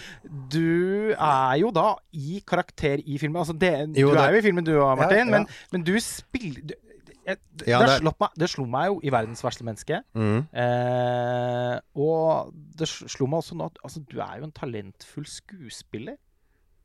Jo, takk. For, for jeg føler at du spiller. Jeg føler ikke at du bare liksom er der sjøl. Lasse Lasse sa en gang til meg at eh, jeg tror jeg spurte deg skal du være med i noen flere filmer eller noe, så sa du jeg har vært med en, og den fikk blei Oscar-nominert. Det er det jeg, det er det jeg sier, at jeg, jeg har jo fått et par tilbud. Og da har jeg jo klart å Så da, da har jeg skjønt at eh, den, dette greiene her havner ikke i Cannes eller eh, Oscar, så jeg tenkte at eh, da, Da det da, det det, det det gidder jeg ikke. Ja. Men nå er du jo eh, Og Jeg apropos en annen Jeg vet jo du er kjempeopptatt av Herzog og, og Kinski. Eh, og det er jo referert til i eh, Goldian, Finch, eh, The Making of the Flamingo by Fahilan Veri også. Nei, 'Making the Flamingo', directed by Fahila Meri. Det er det. Ja. Det, er, altså sånn, det, det er så mange navn her som er så vanskelig å huske. Eh, men, Altså, eh, skal, skal, jeg bare, Ja. skal jeg bare ta den uh, men Klaus Kinski var jo ofte sånn i karakter på en måte som var helt utholdelig å forholde Ja, ja. seg til for absolutt alle ja. andre uh, på sett. Det er masse sånne idioter som har Altså sånn Sean Penn og Christian Bale og sånn blir sånn, sånn Ja, men det blir mer sånn tradisjonell Det er liksom Ja, mer sånn ja, method ja. acting. Jeg føler at det Jim Carrey holdt på med, og Ja, ja. Kinski, det er liksom next level. Det Det er er, next level. mer på spekteret, som du ville Det er jævla next level, og det er det som er, så, det, er det som er med Raymond. Mm. Når han er sånn For han, han er jo da Han påstår at han ikke For jeg mm, Han har sagt det til meg. eh, han, han liker å liksom eh, plante sånne tankeeksperimenter inn i hodet på folk. Eh, hvor, eh, hvor du liksom Kanskje du er Altså hvis det er noen sånne tråder og noen sånne stars som er aligned på en eller annen eh, invertert måte om to uker eh, Så kanskje hvis jeg sier det her Har du tenkt på det? Altså det er sånn bare, Hva er det han egentlig sa nå? Og så går det to uker. Og så er det sånn Husker hva jeg sa for to uker siden? Faen, altså Du blir helt sånn sånn paranoid. For det er sånn der Hvordan kunne han vite at det førte til det, og den Disse trådene Altså det er Jeg klarer ikke å forklare det engang. Det er helt, er helt ute. Det var veldig gøy når vi prøvde å ha et eh, helt normalt intervju, bare Lasse og meg. Så, så satt han og bjeffa bak der hele tida. Og han skulle ikke være med i scenen. Og jeg vet ikke om det var karakter Ja, eller det- ikke. Eh, ja, Raymond, ja. Ja, ja. ja. For det gikk jo begge veier. Ja, ja, ja. Ja, Men ok, men for å ta den he, eh, eh, dit vi har kommet nå, da. Det er jo da Vi har jo ikke, vi har jo ikke da det store eureka-øyeblikket. Nei. Det, det har jo ikke fortalt om ennå. Det er jo Vi skal lage en eh, eh, eh, Vi skal lage en Making the Video-video, som på MTV. eh, for en video som vi skal lage. Mm.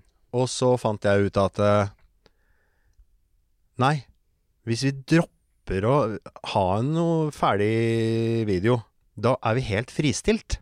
For da kan vi gjøre hva vi vil, og da, da, da trenger vi ikke å skyte de For i sånn behind the scenes-ånd, så er det jo ofte det er en du, er, du er i kulissene på en scene som blir skutt, men du får ikke se noe fra den scenen i behind the scenes-filmen. Mm. Eh, og så er det kryssa med da på en måte resultatet av det du har sett uh, i kulissene. Det blanda sammen. Og da, da blir vi helt 100% fristilt. Og så tenkte jeg at eh, Men det er jo ganske kjedelig, men sannsynligvis en del morsomme ting som kommer til å ø, oppstå. Fordi alle var jo prima på at det At vi på en måte Hvis det skjedde noe som var litt sånn snodig, eh, så skulle man liksom bare gjøre Hva heter det? Gode miner til slettspill. Vi skulle ikke bare Jeg ga jo beskjed til jeg, Eller jeg sa jo til Fail Du dokumenterer alt. Og hvis det eneste, eneste Du gjør akkurat hva du vil. Du dokumenterer det med din hjerne. Du, du, du, jeg kommer ikke til å be deg om noen ting.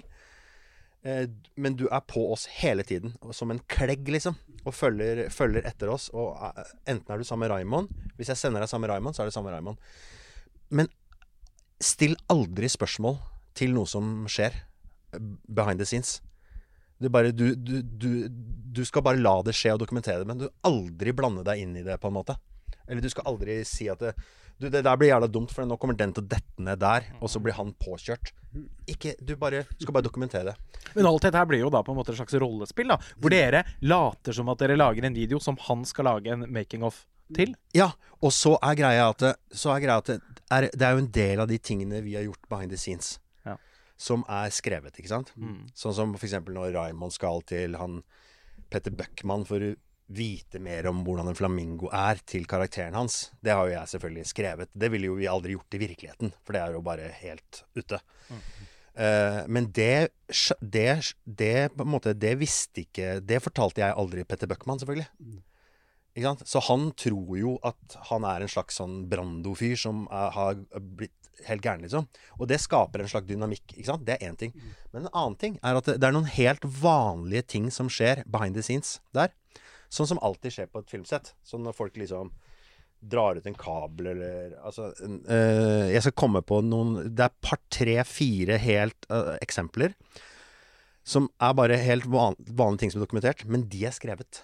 Skjønner du? Så det, det er invertert, det òg. Mm.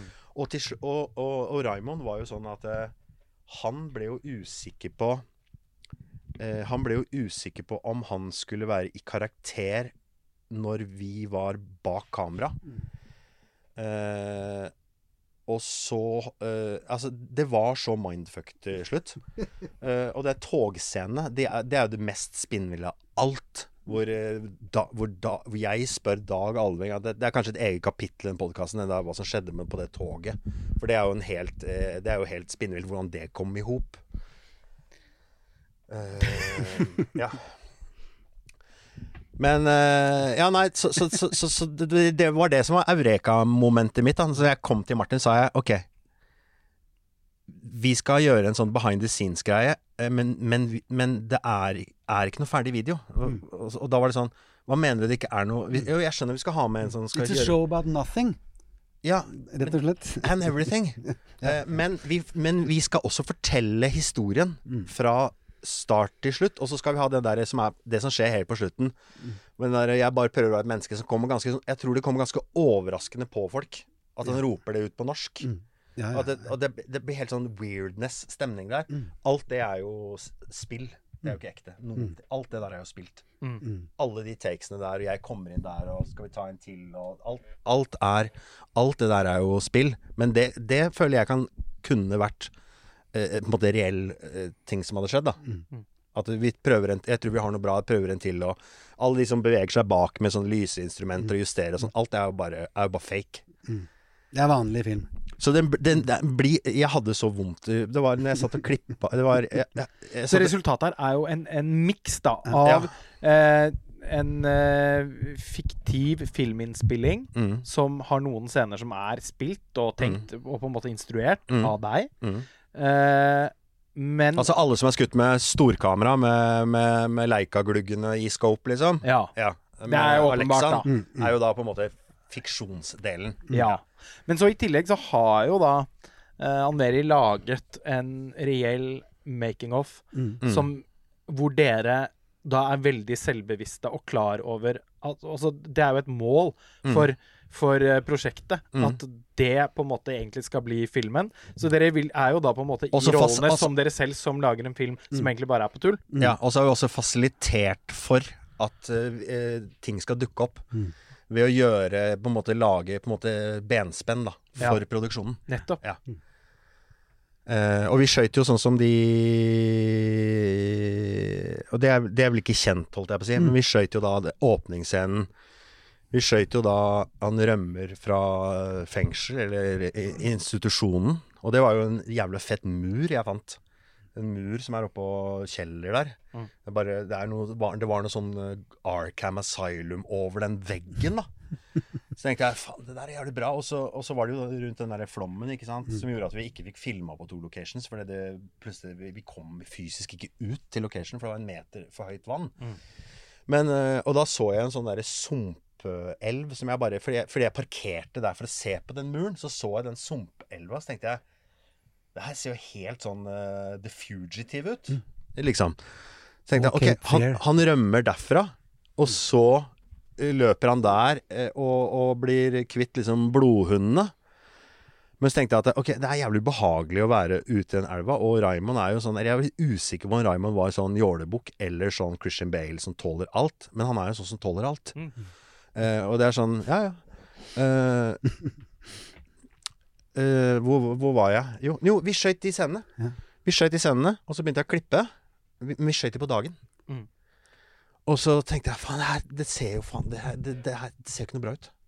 Sumpen så faktisk jævlig fet ut. Det var sånn Louisiana, sånn grønnbrun sånn. Det, Det var det som var Cape Fear-viben. da. ja, Cape, ja, det mangla bare krokodille, og det var, mm, i lydmiksen så var det sånne moskitoer og sånn eh, Ja, sånn Så var det noen elementer av Southern Gothic. Eh, eh, Ikke sant? Ja, ja. Skikkelig, liksom. Uh, og litt sånn Terminator òg, med den der, den der helt kritthvite singleten og solbrillene og, og sånn liksom maskinell uh, eh, Og så skal vi rømme, og så fant jeg ut at vi, og så rømte vi først Så rømte vi med Vi rømte Nei, vi hadde ikke på de Vi hadde ikke på de blondesokkene første gangen. Mm.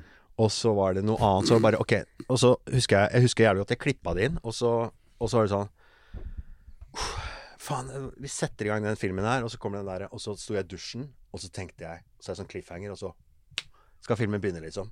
Den kjøringen hvor det er helt tyst, liksom. Før den strykegreiene kommer, og det bygger seg opp, liksom. Eh, og så bare ah, Dette her er faen ikke noe bra, liksom. Så jeg bare fikk så jævla vondt i magen, husker jeg. Jeg bare tenkte at OK, hvor vanskelig er det liksom å bare Vi kan jo bare skyte om igjen. Vi kan skyte i scenen om igjen, liksom. Så jeg husker jeg Alle som gjør det i musikkvideobransjen, tror jeg. Du gjør det. Nei, nei, men jeg ringte Jeg teksta Raymond, så Hva gjør du neste søndag? «Nei, Jeg gjør ikke noe, jeg.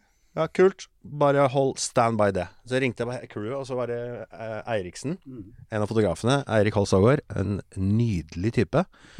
Og ja-person. Men da hadde jeg kjørt Jeg hadde jo kjørt disse folka Jeg sa det til de at det kom til å bli et jævla mareritt å skyte her. For det er ekstremt krevende. Det er jævlig mange scener. Det er veldig mange opptaksdager. Det er, og det er, det er helt vilt ambisiøst, liksom. Det kommer til å bli jævlig hardt, liksom. Så jeg håper å ha med færrest mulig folk i crewet. For jo flere folk du har, jo lengre tid tar det. Jeg vil ha færrest mulig lamper. Jeg vil ha færrest mulig eh, tidstyver, liksom. Jeg vil ha kortest mulig track, liksom. Som er lettest å legge. Og sånn og sånn og sånn og sånn. Vi bare, vi skal, det skal være så militært. eh, og jeg har planlagt vanligvis veldig godt. Dag én Jeg husker når vi gikk Vi var fire timer på overtid, liksom. Og Det sto på natta der oppe. Da merka jeg at eh, og dette her er nå, Dette her går så til helvete. Men uh, Ja, det er jo med i filmen. Du ser svett ut da. Uh, ja. Uh, ja det er, nå, nå har vi kommet til den togscenen, da. Den togscenen er jo helt det, det der, Det er jo så komisk, det derre hvordan, hvordan det Det er et godt eksempel på For da holdt jeg på å få nervesambrudd. Fordi det var Hadde ikke vi hatt den togscenen, så hadde det her ikke blitt noe så bra som det er. På grunn av at det er halvveis i den videoen, Mm. Så hvor musikk Hvor den eh, da Bernard Herman-aktige greiene dine, det Hitchcock-greiene kommer inn med det gamle toget, hvor du blir For meg så blir det helt sånn Er det helt sånn derre Det er sånn Jeg får sånn derre 50-talls eh, eh, 50-talls eh, vibes. Sånn San Francisco på Altså, eh, altså Når det toget kommer inn, så, så, skifter, så skifter videoen helt modus. Og det, og det, er, er en, det, er, det er det jeg egentlig eh, er mest stolt av i den videoen. Er den derre hvor du har liksom lagt et premiss, og så er det samme greiene. Og så får den en den får en liksom sånn, melankolsk eh, vibb. Og vi er litt slitne. Han, vi snakker om det Suspiria. Han, det er liksom sånn Det er litt sånn bad eh, modes der. Men det, jeg er så glad vi fikk til den togscenen. Ja, det var kjempegøy, fordi du, jeg hadde ikke tenkt på det i det hele tatt, men du spurte om jeg hadde noe rask liggende. Og så hadde jeg da eh, to eller tre minutter med 40 strykere Ja. liggende. 40 strykere? 40 ekte mennesker fra Makedonia, som jeg har brukt masse, som jeg bruker i all mulig filmmusikk, og som broren min bruker i all mulig filmmusikk og sånn. Og det er en fantastisk gjeng som vi, vi har til og med vært nede i studio der. Men jeg hadde noe musikk som bygger På plata mi så er det et langt parti før The Flamingo. Som ligger da for å bygge opp til at The Flamingo skal begynne. Og alt det her ligger jo perfekt da for å bygge opp den låta. Så da vi Jeg husker ikke helt hvordan, men da vi fant ut av det, så var det var jo en Jo, gavepakke. jeg, jeg, jeg, Ja. husker det, jeg husker det jævla godt, for det, det var eh, Altså, den videoen begynner jo med det Jeg kan jo ikke synge, men det begynner jo med det strykegreiene, og så kommer beaten inn på singelen. Med, med radioediten og syvtommeren. Begynner jo ikke sånn. Den, den, jo, den har ikke strykerintroen. Men den strykerintroen er jo slutten av forrige låt på albumet, ikke sant? Eh, så så det, det er jo sånn den begynner. Og så går jo da Når vi går over til strykepartiet, så er, ta, er jo den tilbake til den introen. Mm. Altså det er, jo, det er jo sånn Det er jo så The stars are so aligned. Men jeg husker, jeg husker veldig godt årsaken til at hvordan det der kom i hop. Og det var litt art by accident. Og det var at uh, vi gjorde lyddesignet. Og så når vi kom til de partiene på det toget eh, hvor det var masse dialog og sånt nå, så måtte vi fjerne vokalen, og så hadde vi stems fra låta. Så det gikk sånn under. Og så husker jeg bare ah, Det var sånn der Jeg fikk sånn nesten litt sånn Jeg fikk litt sånn TV-shop-vib. jeg fikk sånn derre Musak-vib. At det var Dette her er en sånn der fattigslig utgave når jeg hører de i solo, de, det temaet sånn. Det, sånn, det, det høres sånn billig løsning ut. Og så spurte jeg Og så, og så ringte du meg, sånn, så sa du eh, Kom opp til meg nå. Eh, jeg er ganske sikker på at du kom, kom, Har du tid til å komme en tur opp til meg, eller? For jeg har noe greier her jeg kan spille for deg, og jeg er ganske sikker på at du, at du det, er veldig lav sjanse for at du ikke kommer til å digge det, sa du. Så kom jeg opp hit, og så hadde hadde du Så det er Martin sitt, eh, sitt eh, verk. Ingenting med meg å gjøre i det hele tatt. Annet enn at jeg var veldig misfornøyd med det som var. Ja. Så Nei, kom, det er så kom det er inn, og det var sånn derre Da fikk jeg Jeg merka at jeg fikk sånn uh, gåsehud, for det var sånn derre Dette her skjø- eh, Altså, det er, det er, det er bare sånn eh, What are the odds, liksom? Nei, Det er litt kult, da, fordi at ettersom jeg tross alt er filmkomponist, så, så hadde, hadde jeg jo litt peiling på hvordan man kunne gjøre det. Men at jeg da hadde eh, liggende dette fantastiske strykeorkesteret sånn, det, det var jo magi, selvfølgelig. Ja, og, Og i hvert altså- fall når jeg sa at det hadde vært fett å ha hatt noe sånn noe Hitchcock-aktig. Hitchcock Ja. Ja. Og, og er det noe jeg digger, så er det jo da enten Ennio Morricone eller Bernard. Herrmann. Så Det det, er ganske gøy. det ligger bare rett eh, Det ligger bare rett i hylla, det. Ja, og, og det glemte jeg jo da å, å si egentlig da jeg introduserte deg. Men du har jo vært involvert i så mange forskjellige band og hatt så mange prosjekter at eh, Men du, også, du har jo også laget masse musikk for film og TV. Mm. Så, du, så alt dette her altså, alt. Ja, det var, det var utrolig gøy å gjøre lyddesign og sånn, fordi at uh, siden jeg hadde tilgang til alle delene av musikken, så kunne vi hente ut eh, Altså, mye av musikken er jo det som folk ikke får med seg, som er jo Mm. typisk filmmusikk. Så vi har jo henta ut uh, Alt ligger jo fra låta, men det oppleves som, som at uh, liksom nå er det noe helt annet. Men, men det er jo bakgrunnslyder og sånn. Så det var veldig gøy å kunne ha det, da. Sånn at det, man, man Vi får jo også plugga låta Får også plugga låta ganske mye, da. Ja, For vi spiller den jo om, om og, Ja. og, vi, og, Altså, jeg, så, altså, det- og vi spiller jo låta i sin helhet. Og, Ja, for jeg hadde jo ikke hørt låta før Nei. jeg så eh, din uh, video, Lasse. Og, eh, og jeg så den på lerret med høy lyd eh, første gang. Da lova deg at jeg skulle gjøre. Eh, og så eh, og, så- så jeg den tre mål. ganger på rappen, da. Ja, ja. Og den dum, dum, dum, dum. Altså, den, den låten festa seg som en sånn Mm. eh, Som en tyggis. ja, Eh, og jeg har eh, vært Hubba Bubba, som er litt sånn eh, Som sklir litt. Ja, jo, men altså, den har virkelig det- Den, den har en, eh, en, en kvalitet en, så, en litt sånn uh, avhengighetsskapende kvalitet. Uh, Det og det blir egentlig understreka av måten det blir brukt på i For den blir jo brukt som et score ja, ja. for uh, fil, filmen som ikke er en film. Mm. Og, og man returnerer hele tiden til, dette, til et slags hovedtema. Apropos, Mm. eh, som du sa, Martin, at uh, du begynte virkelig å skjønne at du hadde en eh, dyp kjærlighet til filmmusikk når du begynte å sette pris på litt sånn sykliske ja, ja, eh, spor, da. Det er veldig mye av min og Lars og Jaga sin musikk som folk kaller mm, filmatisk og sånn, og det er jo det er vel nok for at de liksom ikke er de enkleste akkordene, og at, eh, at det er liksom litt rare rytmer og sånn som gjør at det blir sånn spesielt, da. Det er jo ikke all popmusikk som høres ut som filmmusikk, men det er veldig mye av den Jaga-musikken som kan funke som det.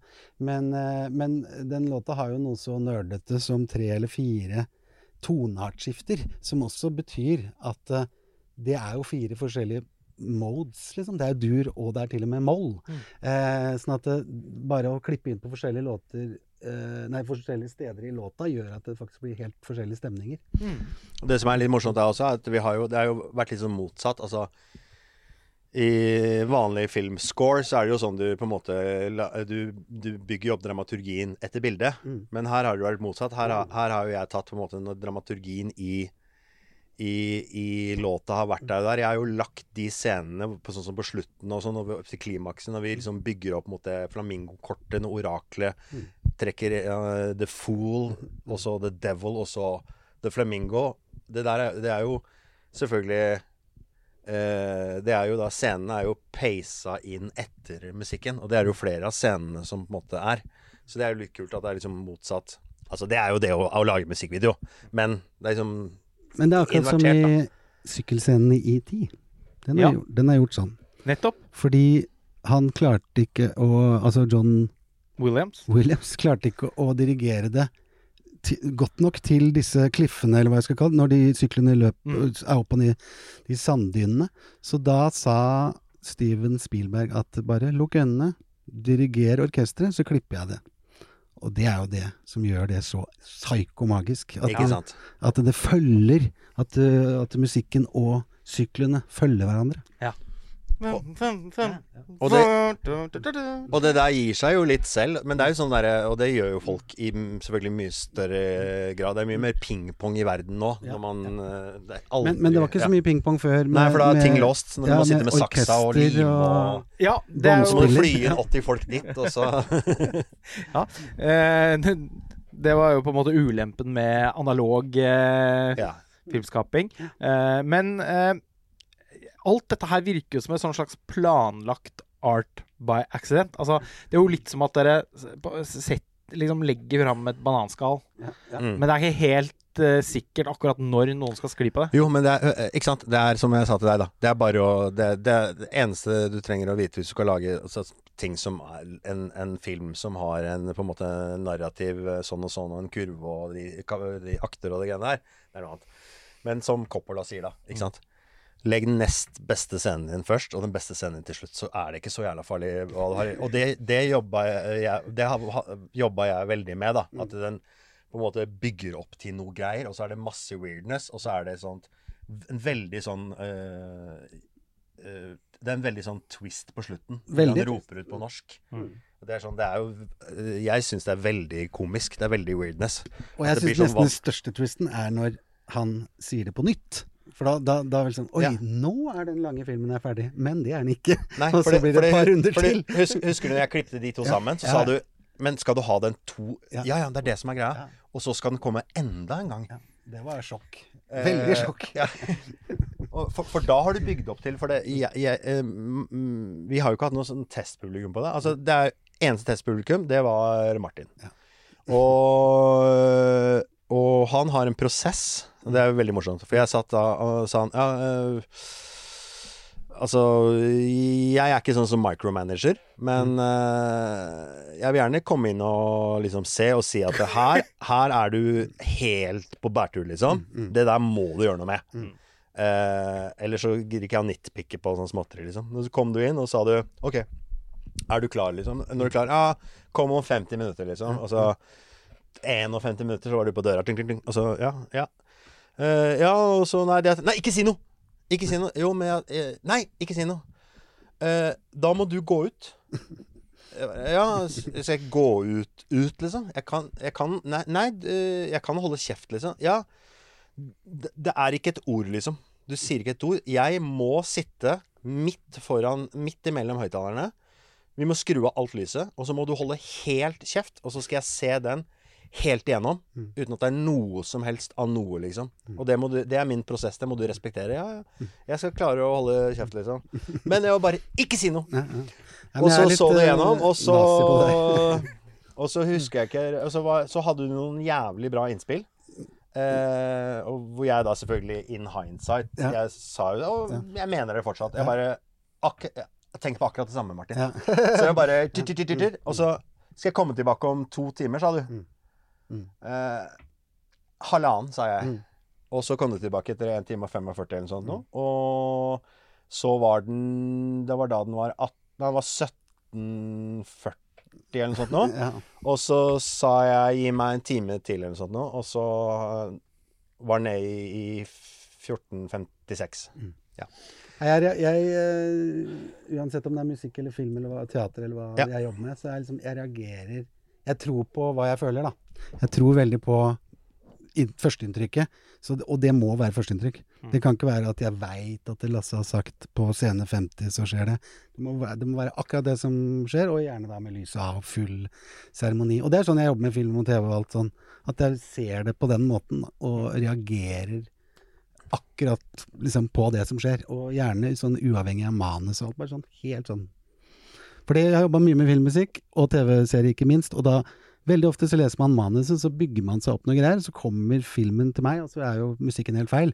Fordi det, i manuset så står det at det, liksom det og det skal skje, men så er jo den scenen kanskje mye mindre, for eksempel, enn det den gir inntrykk av i manus. Kan du komme med noen eksempler Ja, fra altså, ting du har laget? da? et kjempeeksempel, og det er at uh, i første episode av Mammon eh, for 10-15 år siden, så kjører du en bil utafor et stup og, og, og daler ned liksom eh, 20 meter og lander i vannet.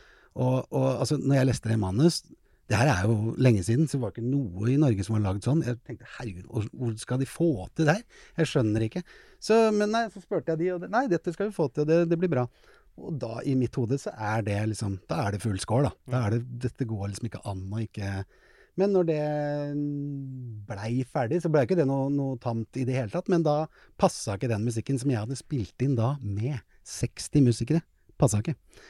Og dette er min regning. Jeg betalte 250 000 kroner av egen lomme for at dette skulle bli Altså Hollywood, eh, hva skal jeg si, eh, lyd, da. Ja. Det kost- 250 000 er egen lomme. 250 000 Ja, ganske av egen heftig. lomme. Jeg, altså, I det sekundet den her var på premiere, så ringte Dagens Næringsliv. Fordi de hadde fått med seg at jeg hadde betalt det.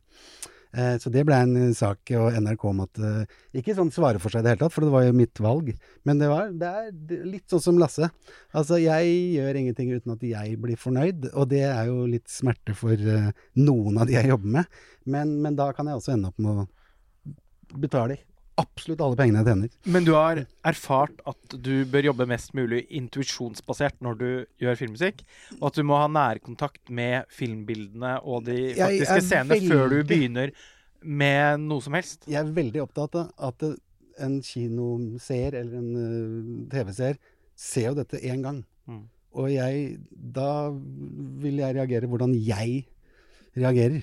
Og det er sånn jeg tenker, da. Jeg, jeg er en tilskuer. Altså, før vi skrudde på opptakeren her, eller vi hadde allerede skrudd på opptakeren, men uh, før vi startet på det som har blitt en slags episode, eh, så, uh, så snakket vi om. Vangelis Mm. Vangelis, ja. og Yamaha CS80. Mm. Og Vangelis Altså Yamaha CS80, Vangelis sin synt, Mm. som er lyden av Blade Runner, da. Eh, og Vangelis jobbet jo på den måten Mm. når han, de gangene han gjorde filmmusikk. Mm. At han bare satte seg sjøl foran gjerne et lerret Mm. hvor filmen ble projisert, Mm. Og så begynte han bare å føle seg fram. Han har jo aldri jobba med noter eller partiturer. Eller. Mm. Så eh, det kan jo minne litt om det Ja, ja, du beskriver. absolutt. Og det er, det er jo ikke, det er ikke veldig vanlig, men det er noen som har gjort det, som er, som er kjente for det. Uh, Deadman med Neil Young er jo spilt inn live rett på kino. Ja, se der. altså Ja. Så Og- filmen og spilte live. Ja, det, og, og det høres jo, holdt jeg på å Ja, det høres jo Ja, absolutt. ja. Nei, men, men uh, det som er vilt med Vangelis, er at han har bygd seg det sykeste instrumentet ever. Som er så spesialbygd, så han sitter med bein og armer og helt blekksprut. Ja. Og så er det alt det du hører, er live. eh, Altså orkester og alt spryrer han med liksom Ja, er helt, 100 bein og eh, armer. Det Det er, bare bare å psycho. søke opp på YouTube. Ja, på Det YouTube. fins videoer av dette. Ja, det, det visste jeg ikke. Nei, det er helt Nei. mental. Det er så gøy å se, og det, det er så genius, da. Uh, uavhengig av hva musikken er og sånn, så er det helt vilt. Han har lagd seg sånn derre uh, Reodor Felgen-instrument som er helt crazy, og spiller alt live. Det er så sykt. Helt rått. Han er jo uh, min uh, Altså det, det, Han er en av de tre artistene i livet mitt som jeg har hørt mest på. Fra, holdt på å si, fra krybbe til grav. Altså, fra jeg var veldig ung. Eh, lyden av Angelis er på en måte lyden av livet litt. Eh, eh, for meg jeg har eh, en eh, ganske stor Vangelis-samling. Har du det der bandet, The Four Horsemen? Nei, det har jeg ikke. Det skal du få høre. Det har vel jeg. Så bra. Ja. Men jeg, altså, jeg, ja, men jeg har hørt det, men jeg har det ikke på fysisk. Nei, nei, nei, da. Nå sånn, tenker jeg på, ja. på fysisk. Ja, ja. Både vinyler og CD-er eh, i eh, men, men, jeg har, men, jeg har, men jeg har ikke en Yamaha CS. Nei, nei, det er Det har få- kanskje du? Nei, det er Nei, veldig få snakket- som har det i Norge. Så, så var det. Mm, ja. det var, men det var, du snakket om to Lasse som hadde det. mener det er to. Jeg mente det var én, men, eh, men kanskje jeg tenkte at det var én i Oslo. Men du mener at det er to. Jeg mener det er to som har CS80. Ja. ja. Men eh, som vi også snakka om innledningsvis, eh, så eh, var Altså, eller før vi startet episoden, da, så, så hadde en Va- Vangelis en måte å skru den eh, synten på Mm. som ingen har klart å matche. OK. Og det som er kult med den synten, er jo at den nesten har en rolle i Blade Runner. Altså, det er jo en, altså, jeg husker på Blade Det var en Runner det 2, eller hva jeg skal kalle det. Hva het den? Blade Runner 2? Nei, det gjorde ikke det. Det 2049. 2049? Ja, ja. Den, den Når den første synten kommer, altså ganske langt uti der, da var det stående applaus på, på Ja. kinoen jeg var på Coliseum. Da var det liksom Fordi den lyden er hun, Det var jo han Hans er det- da. Men, ja, Simmer. Ja, det er Simmer, ja. ja, men det var han kjøpte CS80 og, og Jeg tror ja. eh. Mm. Simmer hadde ikke klart det der aleine, tror jeg. Nei, altså, jeg, jeg, etter hva jeg har skjønt, så er det egentlig Benjamin Walfish som Ja. skal ha ganske mye av kreden for akkurat det uh, scoret. Og jeg var imponert over hvor bra de klarte å Ja, eh, ska, gjenskape lyden av var som er så vanskelig å få til. Så var det Mm. nytt, selv om det var At man kjente det igjen. Men det var mye mer sånn kantete, mye hardere, sånn Mm. som Simmer er kjent for. Ja. Så det var, du, du hører at det er CS80, men det er Simmer som har skrudd på Ja da. og det syns jeg var helt rått. Ja, det var, Mm. jeg er enig. Jeg syns jeg, jeg, jeg, har den vinylen og Ja. hørt ganske mye på den. Jeg følte at det ble litt sånn eh, At det ble umiddelbart undervurdert, Mm, eh, ja, det scoret der. Altså, vi skulle jo den tog... Det er tog... Togscenen, holdt jeg på å si. Den kommer jo i hop med at jeg har vært oppå da Dette er jo da Tertitten, Urskog, Hølandsbanen, som, som går fra Sørumsand. Og eh, ett stopp på Fossum stasjon. 1,4 km går hver søndag i sommersesongen. Og så har de sånne juletur. Det er da et smalspors uh, Sesam stasjon uh... Ja, dette her er sånn ordentlig sånn Deadman Western-tog. Det er et uh, altså dampdrevet, altså kullfyrt uh, lokomotiv fra 1909. De har to lokomotiver. Og så er det en helt sånn eh, tre-fire vogner fra 1896 som er helt sånn restaurert til endte korrekte, autentiske grad. Så det er en gjeng med entusiaster som kjører den. Turen er helt fuckings fantastisk. Uh, og jeg har alltid hatt lyst til å skyte en sånn scene der oppe. Så tenkte jeg at eh, nå, hvis vi i den der litt sånn gangster uh, uh, Wes Anderson, Tarantino-eske, karikerte storyen vår, har en so drømmescene i sort-hvitt, som er sånn periode, liksom. Da har vi liksom Da har vi noe greier gående. Den så du ikke komme, liksom. Eh, hvor det eh, Og så Da for å få skyte der, da, så var det jævla mye fram og tilbake. Jeg var der oppe to-tre søndager var jeg der oppe i sommer. Bare for å liksom bli kjent med de som jobber der. For å liksom igle meg innpå at For liksom at vi skal skyte få lov til å skyte film, da. Men han banemesteren var jo selvfølgelig på sommerferie. Så han, jeg fikk ikke deala med han som kunne ta avgjørelsen. Så jeg var på tekstmelding med han, og jeg kommer tilbake sånn og sånn. Og det var sånn rett før vi skulle skyte. Og så uh, er jo dette her administrert av museene i Akershus, MIA. Det, er- det er jo museumsbane. Mm. Så, så det er visse regler der, da, ikke sant. Så det er, egentlig må, skal du betale ganske mye for å filme og så videre. Og du får ikke lov til å forstyrre sånn og sånn.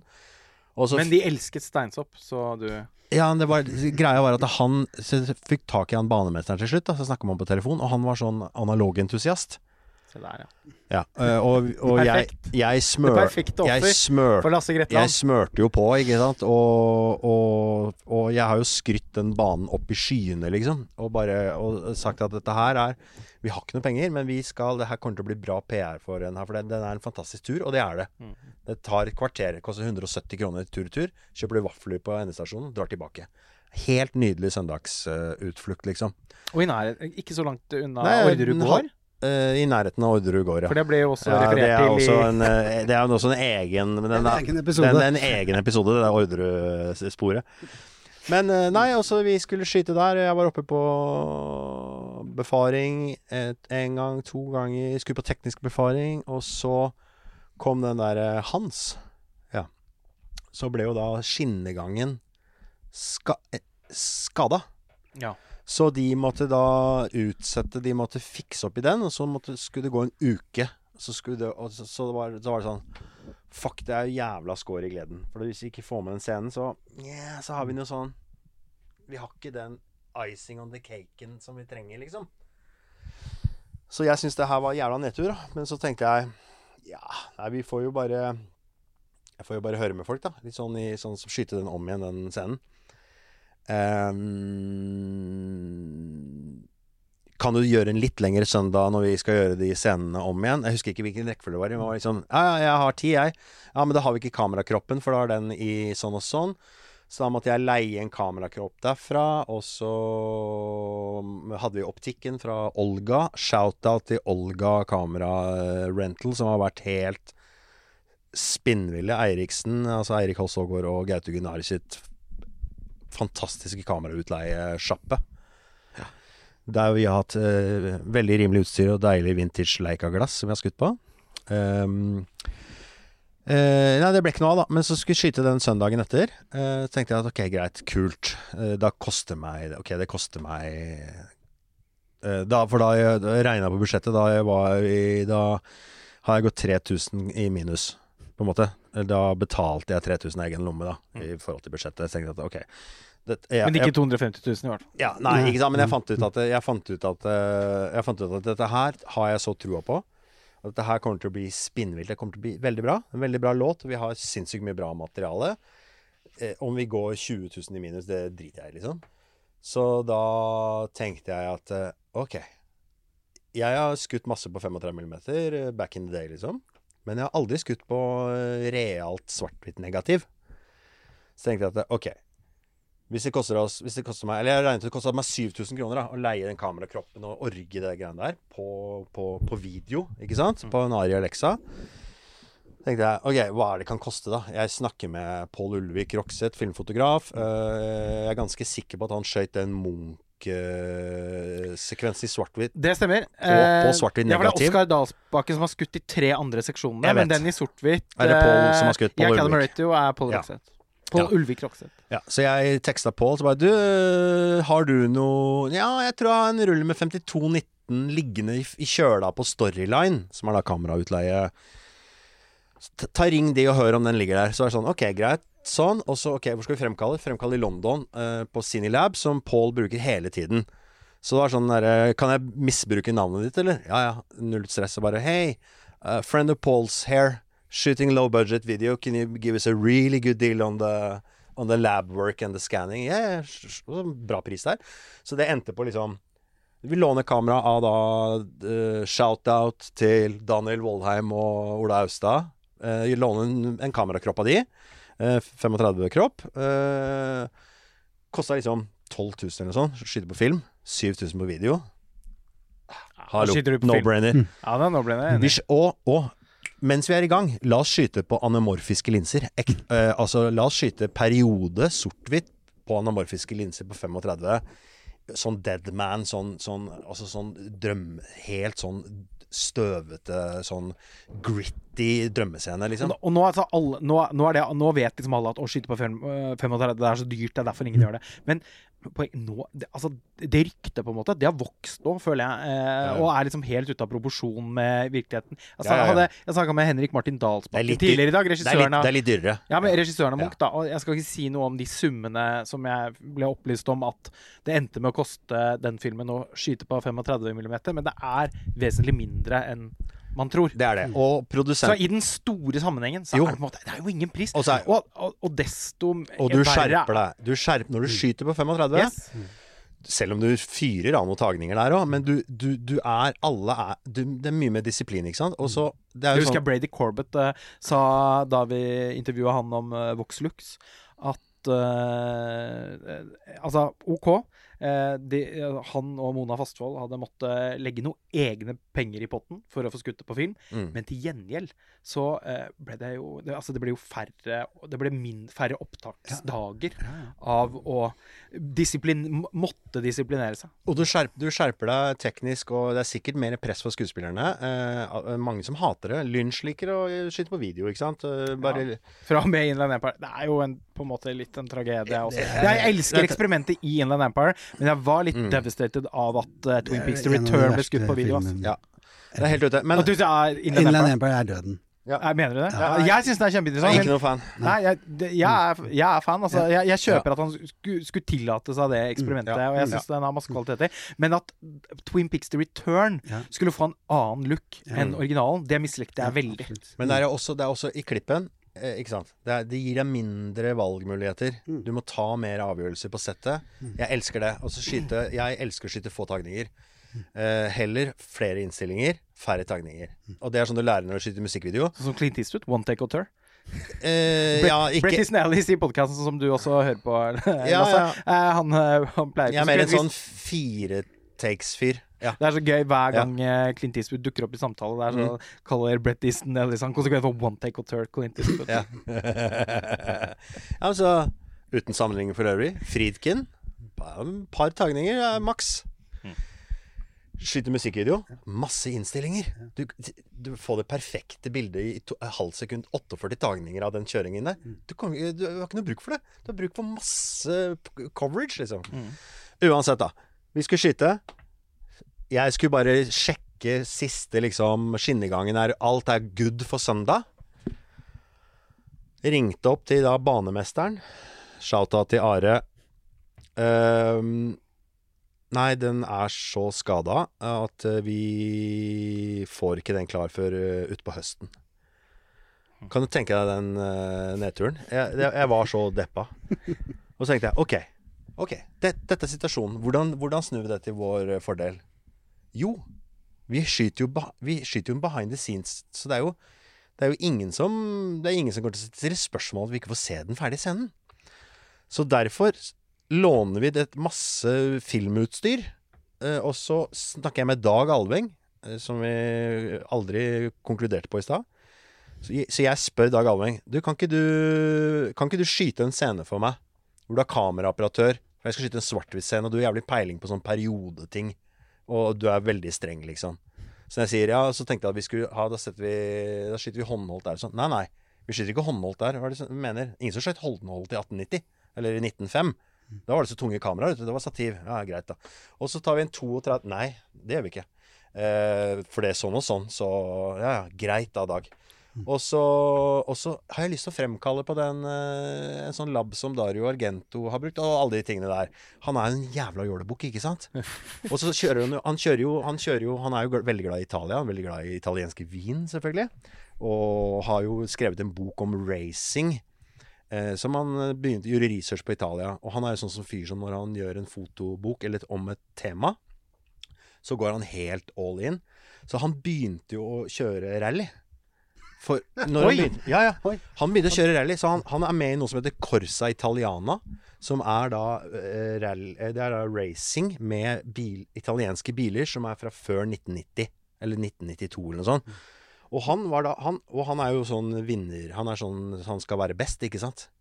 Så han, han gikk all in, han. Så han, han lurer på om han, lurer vant den circuiten, jeg. når han skrev, er jo når han skrev den boka som heter Racing. I, som har vært og, i, nede i Italia, liksom. Så han har, kjøpt, han har da kjøpt to Lancia Han har to Lancia Delta Integrale, som er sånn derre rød, hårete sånn italienske 1990 uh, eh, racing så sånn, Ja, sånn racingbiler. En med sånn bur og sånn.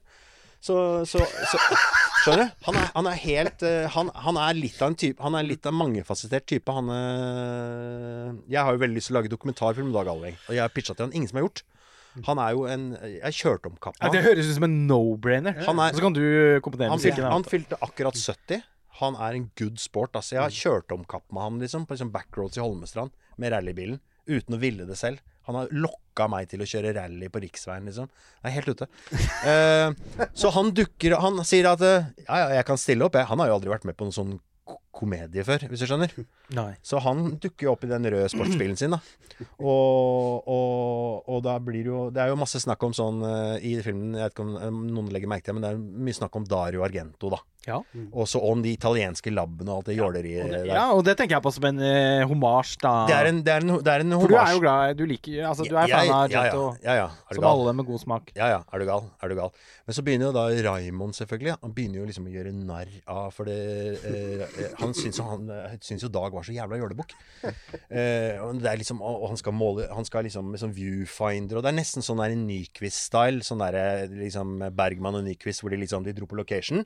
Så er det sånn Ja, det er det er jo det er OK, hva, men vi måtte vente til ljuset er bedre. Så det, det Ja, vi måtte vente til i morgen bitti før vi kan skyte scenen. Så det er sånn Når du har med Alveng, så vet du at ting tar helt sykt lang tid, ikke sant? Eh, og det Raymond er jo litt utålmodig, liksom. Så da var det liksom sånn derre Mens vi driver og da filmer med og instruerer hvor vi skal sette kameraet og sånn, så er det sånn Så hører du sånn baki der sånn Dario Argento! Altså, og det er helt sånn derre Det er helt sånn derre Tourettes bak der, da. Liksom, og, og, og Alveng skjønner ikke helt han, han liksom bare Faen, kødder han med meg? Og jeg liksom forklare Han er liksom litt sånn størrelse. Og han har sagt han har, han, Dag er en størrelse som har sagt ja til å være med og hjelpe oss, liksom. Så du må holde Du må Du må, du må ikke være så uh, Ja. Aktivt Du må ikke være så sånn sann i maskineriet helt ennå. Nei. Eh, Men da var jo han i karakter... Da var jo han i Da var jo, da var jo, da var jo Raimond i Da trodde jo Raimond at han skulle være i karakter og irritere meg. Og da ble jo jeg irritert på ordentlig. Ja. Og så Det er jo noen scener der hvor jeg er sånn derre Kan ikke du bare fuckings holde kjeft? Altså, kan du bare være i karakter og sånn? Det er jo ikke spilt. Nei. Nei. Eh, og da mista jo Dag Dag skjønte Dag, altså Dag mista helt oversikten. Hva, hva foregår nå, liksom? Og eh, så, så, så det er jo helt sånn Men, men greia men, men, men vi hadde jo ikke Vi hadde jo ikke film i kamera der oppe. Men det er kanskje en Det skjønner kanskje folk. Det tror jeg ikke folk skjønner. Eller jeg vet ikke. Nei. Nei, det, Det- tror jeg ikke nei, noen gjør seg opp noen tanker om, Nei, egentlig. nei. Nei, for, jeg, for da, da har vi fått det, fått det til ganske bra, da. Ja, men det vil jeg jo si at dere har. Ja, Men det som her kommer Her kommer den eh, store greia, da. Jeg prøvde å ringe han i stad. eh, Are. Ja. Teksta han. Han svarte ikke. Men den skinnegangen, den er eh, Jeg har jo da bestemt meg for, egentlig Jeg har jo ikke penger til det, men jeg har jo bestemt meg for at hvis denne videoen her skulle bli en suksess, mm. som jeg mm, Jeg er veldig fornøyd med den selv, Mm. og, det, og, da, og da, da er det en suksess i min bok. Så min plan er å Og det gjør jo dette til et ekstra bra kapittel, da, tenker jeg. Min plan er å stikke opp på der, der oppe med et 35-kamera og faktisk skyte de scenene vi lata som vi skøyt med Dag Alveng, på ordentlig på 35 mm svart-hvitt-film. Og, la- og putte inn i Redux-versjonen. Er ikke det kult? Jo, det er kjempekult. Og det har vi tenkt å gjøre. Og da skal vi ha med file for å skyte behind the scenes. Altså, men det, denne, ikke det litt gøy? Denne episoden her òg har Ja. jo blitt uh, the making of. Ja, ja, The making of Uh, Og The vi har jo- Vi har jo sinnssykt Jeg har jo sinnssykt Jeg kan jo lage en fem, femtimers making of making of. Ja, det er jo ingen tvil om. Du er jo er en virtuos historieforteller, eh, Lasse. Jeg filma jo alt også. Ja, så vi har jo et, en layer til bak der. Han har også filma Så du har også laget en making of Nei, jeg har ikke lagd den, men jeg har jo Han har filma behind the behind the scenes. Med mobilkamera? Liksom? Ja, Ja, er ikke det sykt, eller? Altså, Så det, så det er jo virkelig materiale her til en, ja. en, en fullengder? ja, ja. Altså blir det din uh, kinofilm vi snakka jo, vi jo om det, om vi skulle lage om det, Men, men uh det må vi snakke litt mer om. Hvordan, det kunne, hvordan den kunne blitt solgt inn. Ja, hvordan kan man ekspandere dette Jeg funksjonsuniverset? Det er altså noe som er Altså, musikkvideo i dag Dere snakket jo litt om det i stad. Det har ikke den samme funksjon som før. Og sånn. Men det er noe musikkvideo er i dag. Så er det jo et eh, format der man kan virkelig lage liksom avantgarde-film og nå ut Du kan, eks til et visst publikum. du kan eksperimentere, og Og ikke liksom bare i Grimstad, der på en måte Nei, nei. kortfilmene kommer for å dø. Ja. si. Altså, eh, de de, de, de, når sin senit der, og så i etterkant så blir det bare vanskelig å få tak i. Og ligger det på video, ligger det på Aftenposten, eller, eller er verdens musikkvideo er verdens beste filmskole. Det har jeg sagt i, siden Nilen brant, altså. Det er, det er Du kan eksperimentere formmessig. Du kan ha en helt tradisjonell scene. Du kan sånn og sånn, og du skjønner hva som gir production value. Og du kan, det er en helt annen prosess òg, ikke sant? Det er som helt motsatt av det du sa innledningsvis. Det er egentlig at nesten ingen eh, musikkvideoregissører ble, ble, bra regissører. N- nei. Det Men du sa jo også at du planlegger alle shots. Ja. eh, og Ja, ok. Ja, ja, ja nei, det, det er inkonsekvent. Så det er verdens beste filmskole, og så når du er ferdig på skolen, så må du finne en annen jobb. nettopp! Jeg klarer ikke å ro den inn. Ja, men jeg er inkonsekvent. Uh, vi Altså, klokka begynner å tikke. Ja, det er helt Jeg- vi, er, vi er nødt til å begynne å, å runde av. Uh, hva slags respons har dere fått på, på filmen? Hva slags respons har du, har du fått, Martin, fra kolleger? og Nei, altså det, alle, alle er jo i sjokk, og det er jo kanskje mm, fortsatt 30% som ikke Som venter på den ordentlige musikkvideoen. Det er, det er folk i mitt tetteste apparat som tror det kommer en musikkvideo. Er det sant? Selv om de per nå burde ha forstått det for lengst. Men, Og jeg viste den til en regissør som har gjort seks spillefilmer, åtte TV-serier Som lurte på når The Flamingo kom, for han, for han hadde så lyst til å se den. Ja. Men den, men den er jo lagd Den er jo også lagd For den er jo da som en som- mockumentary, på en måte, så har den til dels eh, fungert. Jo, men, Ja. men den ville aldri fungert hvis du hadde fjerna behind the scenes. Ikke sant? Den, alt her handler om å, confirmation bias. Det er den historien du, seeren, lager i sitt eget hode. Hvis du klarer å lage Det er sånn, det, det er sånn man skal lage film, tenker jeg. Er, eller er det ikke det? Du, men- du skal skape du, Det er ledetråder, og det er, det er, det er puslespillbrikker. Og så skal du tenke Faen, hvor går det her? Og så det er, det, er, det er det som skaper den Det er nesten tidenes Leave Them Wanting, den her, nå.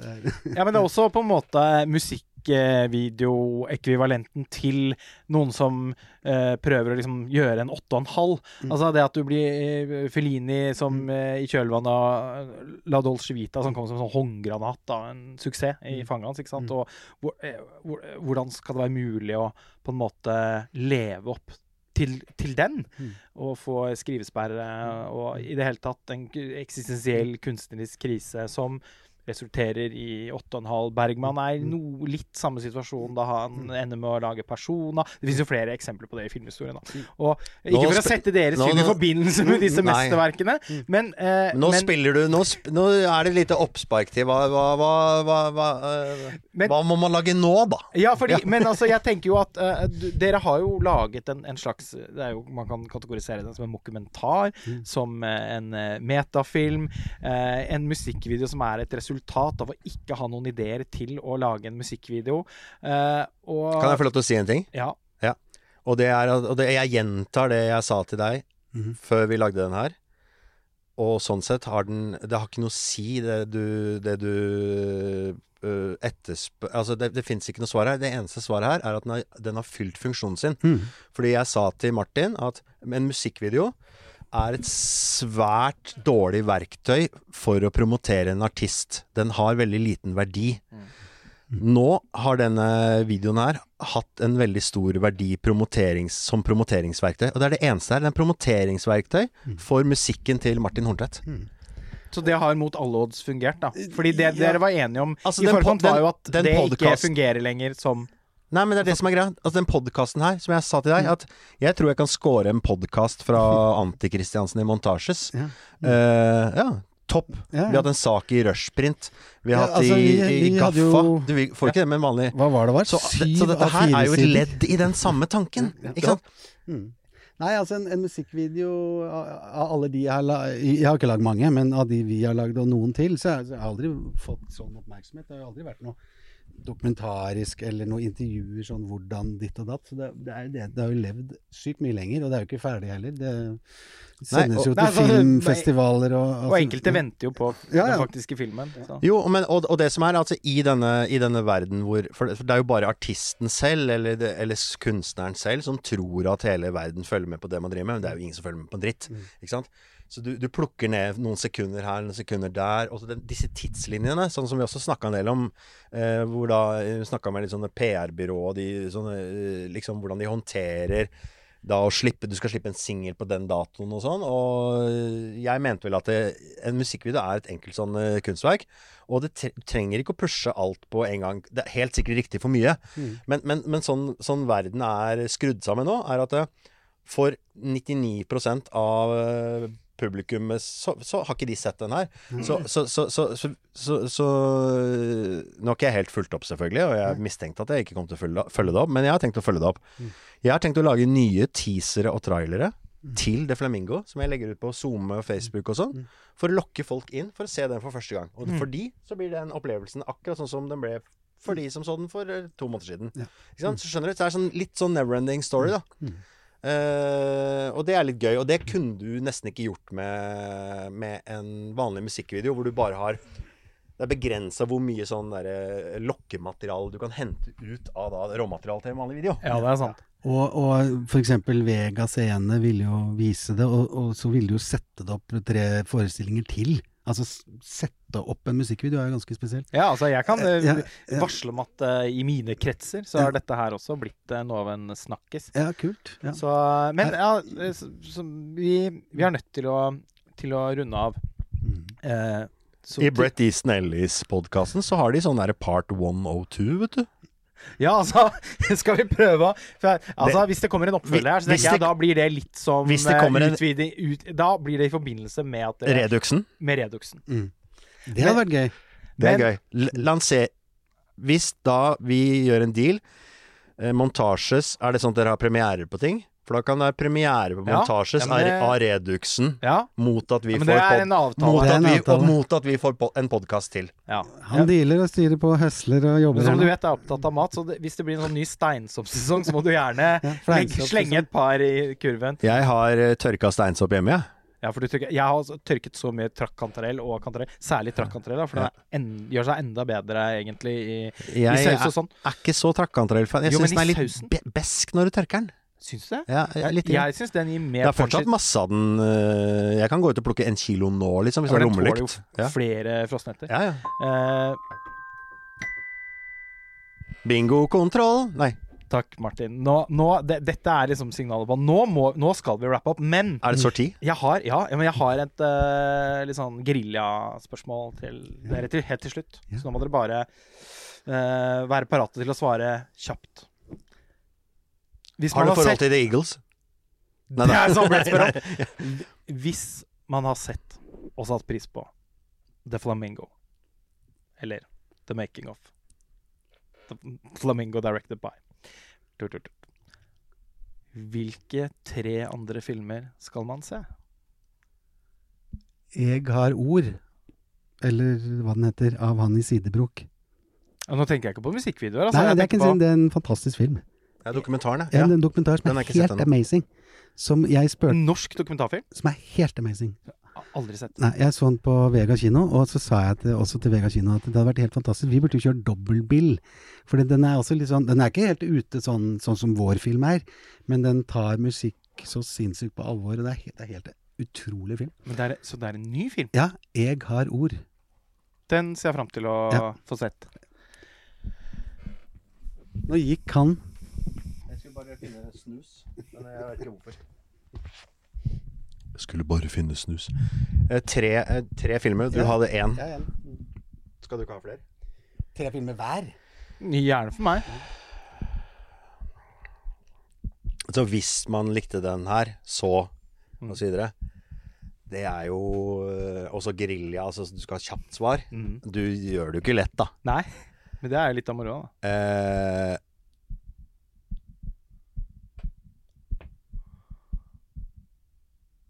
hva heter den uh, uh, Spring Breakers? Ja, til Harmony Queen. Ja. Uh, Mesterverk. ja, veldig fin. Uh, mm, King of Comedy. Scorsese, ja. Skal vi se seg? Nettopp. Ja. Mm. Den er jo Nei, den er kanskje ikke så meta, men samme det. Jo, men det er, Men det er, jeg, for jeg så den igjen for første gang siden eh, 80-tallet. Mm. Jeg syns den er veldig bra. mm, Enig. Uh, Dokumentarfilmen om Man on the Moon. Ja. Som jeg ikke husker hva heter. eh, Ja. som, som jeg nevnte Ja, som vi i stad. Ja, Og eh, selvfølgelig 'Burden of Dreams' eller 'My, Best Best, Fiend. Fiend'. Ja. Forholdet mellom Herzog og Kinski er stor underholdning, både alvor og komedi. Mm. Livets komedi.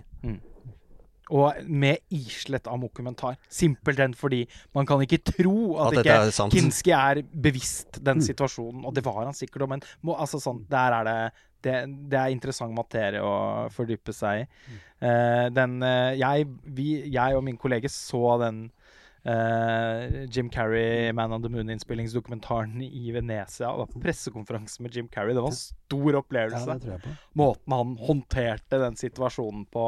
Jeg, Var, alle ble eh, vel tatt på senga av den. Jeg ble helt satt ut Ja, av den filmen. helt klart. Ja, jeg ble skikkelig sånn Jeg så ikke det komme. Nei. Mm. Altså, hvis jeg kan komme med en eh, bokanbefaling Ja. Det er da mm, Det er da eh, eh, Det her er en god bok. Den er ganske dark og veldig komisk. Altså, hvis man liker Werner Herzog, og alle gjør jo det. Ja. Eh, det er da boka han eh, Som ikke skulle bli en bok, men han skrev jo en dagbok når han spilte inn Fitzcarraldo. Som han ga ut for noen få år siden. Han skrev jo på sånne små lapper, og så tror han bare skrev inn denne dagboka, eller i en bok, og den heter 'Conquest of the Useless', om innspillingen av Fitzcaraldo og hva som leda opp til den. Den er helt fantastisk for alle som er interessert i livet og kunsten. Og hva er, de beste, hva er den beste filmmusikken noensinne? Nå har du, altså, du for meg er det jo enkelt, for det er Cinema Paradiso, men, Ja, men men det er klisjé og, og alle sånn. Eller jeg- kanskje jeg kan omformulere spørsmålet. Jeg kan justere spørsmålet. Mm. Eh, hvis dere skal eh, dele en filmmusikkanbefaling til lytterne våre, gjerne da noe som er litt sånn deep cut-aktig, hva? Ja, da, så det er ikke Blade Runner, med andre ord. Nei, ikke sant? For det er også mitt uh, favorittscore noensinne. Jeg syns uh, Cliff Martinez er det til i The Nick er veldig bra. Helt ekstremt bra. Hvor er, på en måte, og der er det, gjør de jo et triks som er uh, De har jo veldig kontemporær musikk til periode, og det syns jeg er veldig kult. Enig. Og hans eh, score til Requiem Nicolas Winding Refns underkjente TV-serie Too Old to, To Die Die Young. Som er helt vilt bra! Og den serien er så Har du sett den? Nei. Too Old to Die Young. Helt- Fy faen, den er bra. Helt fantastisk. Ja, den er kjempebra. Hvor er finner man den? internett. Mm, eh, Amazon. Amazon Prime. Ah, mm. Eh, meksikansk er gullbelagte hagla og altså det er, det er så mye Det er, så, det er mye style der. Det er sånn Det er litt sånn det er litt, Flere av episodene er skutt av Darius Konji. Ja. Så nei, den er bare helt Ja, eh, den- Jeg sa Jeg, sa, jeg møtte neon jeg møtte på Nicolas Winding-refnene på premieren til den nye Harmony Green-filmen. ja. Agro uh, Den som er skutt i infrarødt? Nei, Yes. Ja. I, uh, ultrafiolett. i Venezia, Ja. og, og sa bare at uh, Ja. erklærte min begeistring for To Old To Die Young og sa at den må Altså, du må, du må jobbe for at den kommer på Blu-ray. Og han eh, Ja, han, han sa dessverre at det At, at det foreløpig ikke var Det foreligger ingen planer nå. Nei, men altså ja, det, det skulle jeg virkelig også likt, altså, men det er liksom litt out of my hands. Eller. Så, og jeg tenkte sånn Hæ, hvordan er det mulig? Altså, du må jo som, som, en, som en regissør som bare Regissør, manusforfatter som har laget dette Du må jo kunne uh, Ja, men, men det samme Altså, tenk på dette her. Euphoria. Sam, Sam Levinsons mesterverk. Uh, Euphoria sesong 1, ikke minst sesong 2, er bare gitt ut på DVD.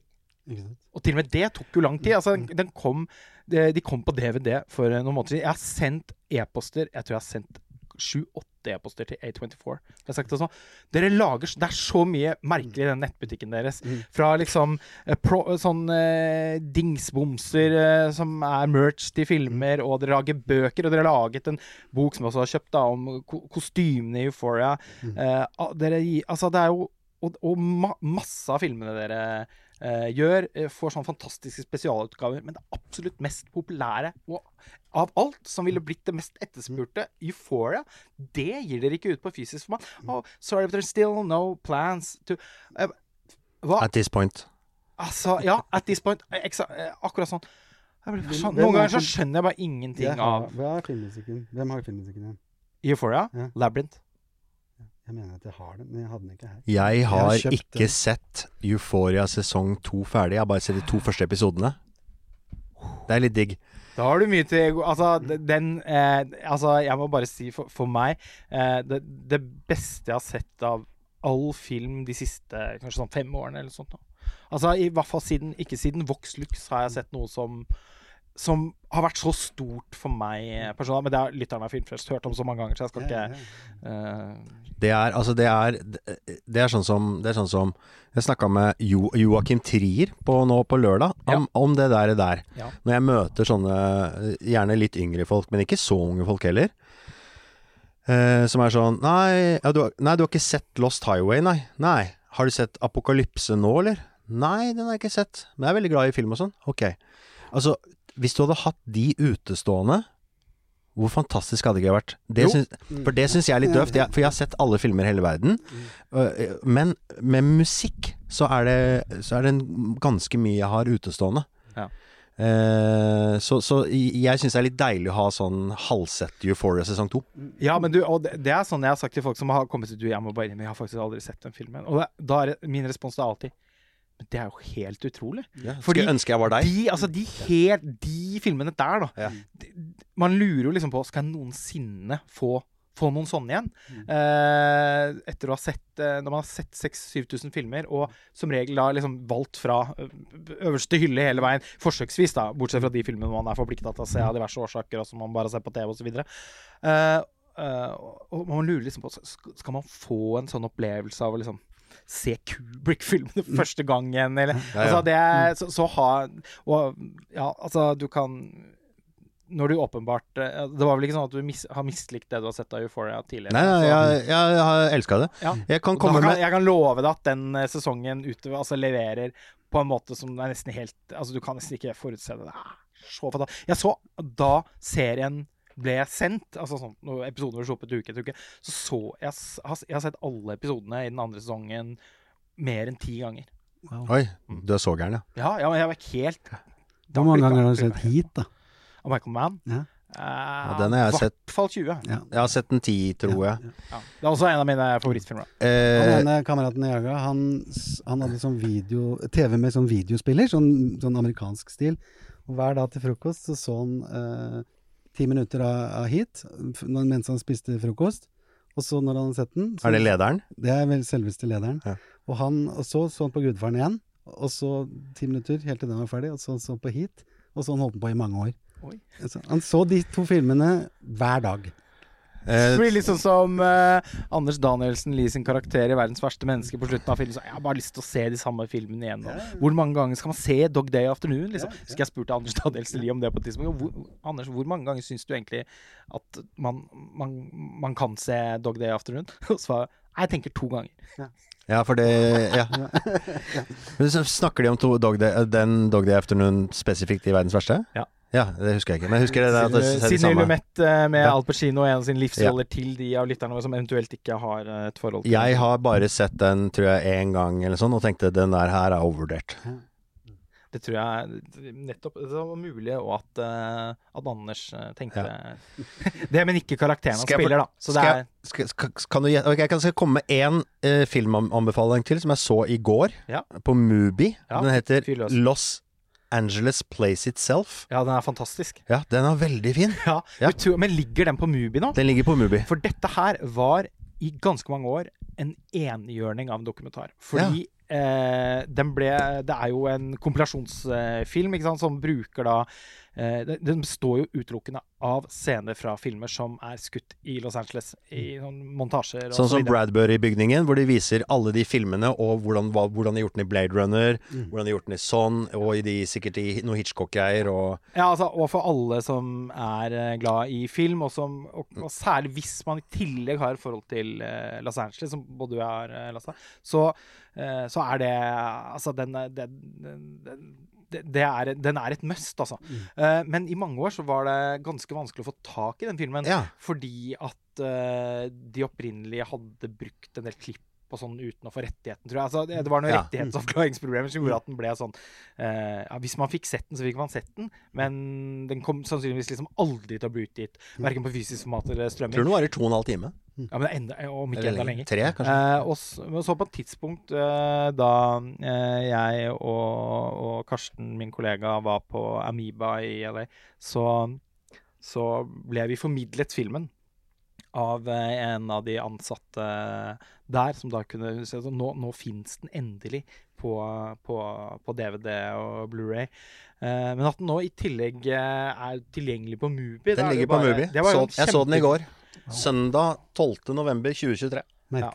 Da blir det desto viktigere å få ut denne episoden så fort som mulig, så formidlingen av at den er tilgjengelig, eh, får Og- eh, betydning. og- og Fordi da- plutselig så forsvinner den. Og der, var det, og der var det masse Der er det masse filmer jeg ikke har sett, som er sånne liksom B-filmer sånn sånn Å ja, du har sett Jeg har selvfølgelig sett The Omega Man fem ganger med Charlton Heston. Den elsker jeg jo. Mm. Men har du sett den som var liksom den stygge lillebroren?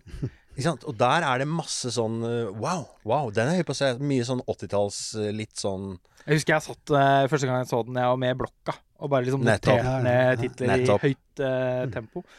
Veldig morsom og god anbefaling. Nå, dere. Skal jeg eh, fortelle dere nei. Jo, skal jeg fortelle dere hvilken film jeg har sett flest ganger, og hvor mange ganger jeg har sett den? OK, det kan du få lov til å fortelle helt til slutt. Prøv å gjette. Eh, Den begynner med følgende setning. Highway. Helt feil. Iskaldt. Det begynner med følgende setning.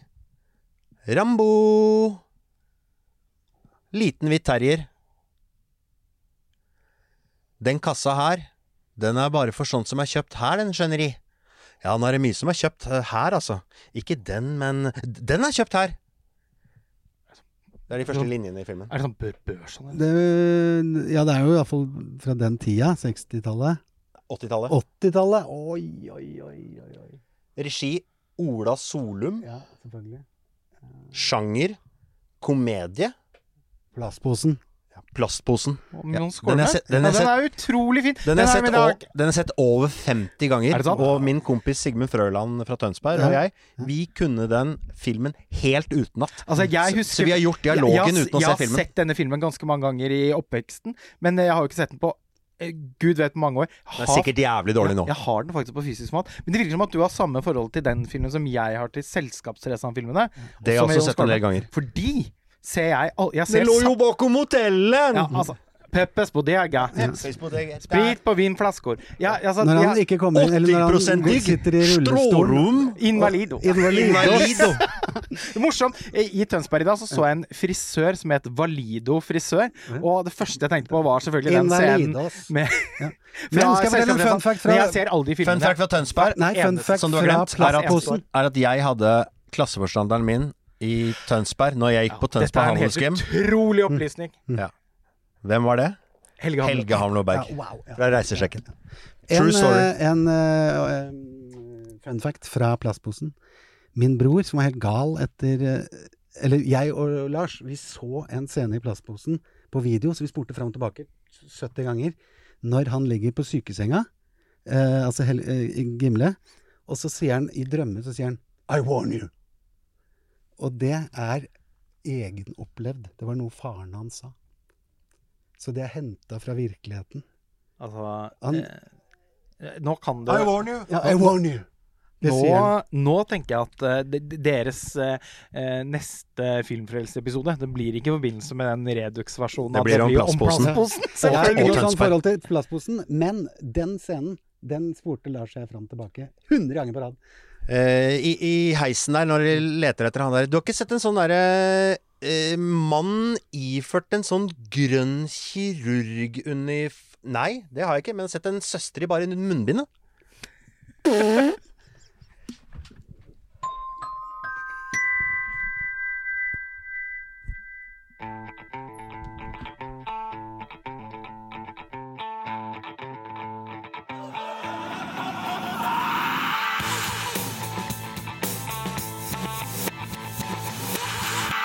Nå, eh, nå er den i gang, ikke sant? Jeg skal bare en siste gang se.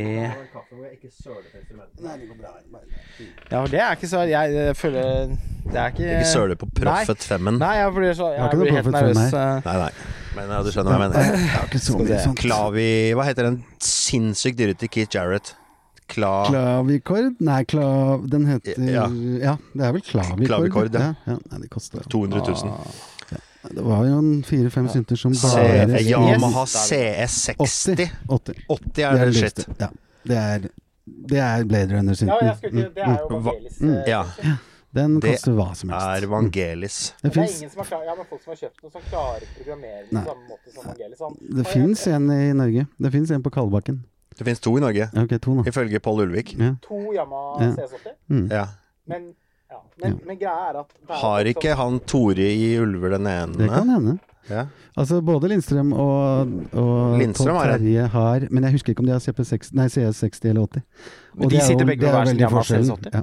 Men, er den, men det som er greia, er at jeg har jo se, det er jo folk som har anskaffet uh, den, men så er det liksom ingen som klarer å få den til å høres helt Nei, ut som Vangelis, for de har også- ikke de innstillingene. Nei, og Så så er det jo også loddinga. Altså, det går jo ikke an å lodde. Den er jo på en måte Den er i orden i to måneder, og så begynner jo ting å, å, Ja, for den å vakle, er for den er så gammel. Den er Men ikke point to Nå point, må uh, vi rekk. Men jeg, men jeg liksom virkelig tenkte at uh, hvis Vangelis skulle etterlate enda mer til menneskeheten enn det han har skapt selv, så kunne han jo ved dødsleiet bare liksom delt den lappen med den Ja, ja. instruksen. Instruksen til Coca-Cola og den CS-synten. Yes. Eh, det er akkurat som da eh, hifi-designeren Tim Di Paravicini, som lager, eh, som lager eh, eh, veldig high-end sånn eh, audiofile reissue, uh, remastringskuttemaskinforsterkere. Han døde nå nylig, og han, han lager sine egne tra transformatorer, trafoer, og den viklinga det er som black art. Han la ikke igjen noen ting, da. Og det er sånn åh Jeg har verdens første synthesizer som har stått til reparasjon i 15 år. Fordi han fyren skal, må egentlig bare bygge den på nytt. For den er lagd av 15 rør, eh, rør og transformatorer. Og det er ingen som er sånn 8 og 15. Det er liksom 14,3 og 19,7. Alt er sånn helt Er det snakk om om? Det er snakk om uh, sikkert om, ja. Ja. Og uh, den heter Ond Martinot. Det heter den ikke. Den heter Ondiolin. For det er liksom bestemora til Ond Martinot. Og det er faktisk farfaren til Michel Gondry som har laga den. Det er jo ganske sterkt, bare det. Og den fins det tolv stykker av i verden, og jeg har da en av de. Wow. Og hvis den hadde funka, så kunne jeg selge den for en halv million, men siden den ikke funker, så står den egentlig bare til reparasjon. Da. Altså Sist jeg måtte bytte pære i prosjektoren, så, eller projektoren, Mm. så, så sa Hi-Fi-klubben at det tok ca. fem uker. Ja. Eh, og det syns jeg var eh, drøyt. Ja. Eh, 15 år. Ja, det var men den står, den Er står og på en måte pære i projektet. De klarer å gjøre selv, da. Det er jo kjempelett. Nei, men altså, den, det, altså, de må importere den pæra De, altså, de har ikke den på Jo, men det er bare det de sier på Hifi-klubben. Er Det det er jo et Altså, de, de sier jo Du kjøper ikke uh, Hva er det de sier for noe? Du kjøper ikke stereo der du De selger kjøleskap som referanse til at de er sånn spesialist, liksom. Ja. Men det, er jo, de, har, de har jo ikke noe bra utstyr der. Det som er gøy, er at han derre Nå husker jeg ikke hva han heter. Someone I used to know Gotye. Han, han har alle synter i hele verden, fordi han har brukt alle pengene sine på synter og har et bibliotek-syntmuseum i Melbourne, som er det Han sykeste i verden. Jeg har vært der, og det var, er gøyeste. Det er alle syntene som fins i hele Nei. verden. Fairlight, alt som er det sånn Ja, det er bare haugvis av millioner. Som alle lytterne skjønner, så uh, har man samlet tre personer som alle har et veldig dedikert forhold til syntmusikk. Ja. Og nå skal jeg tenke at jeg skal starte episoden. Dette som vi har tatt opp nå, kan være litt sånn bonusmateriale til slutt. Veldig gøy.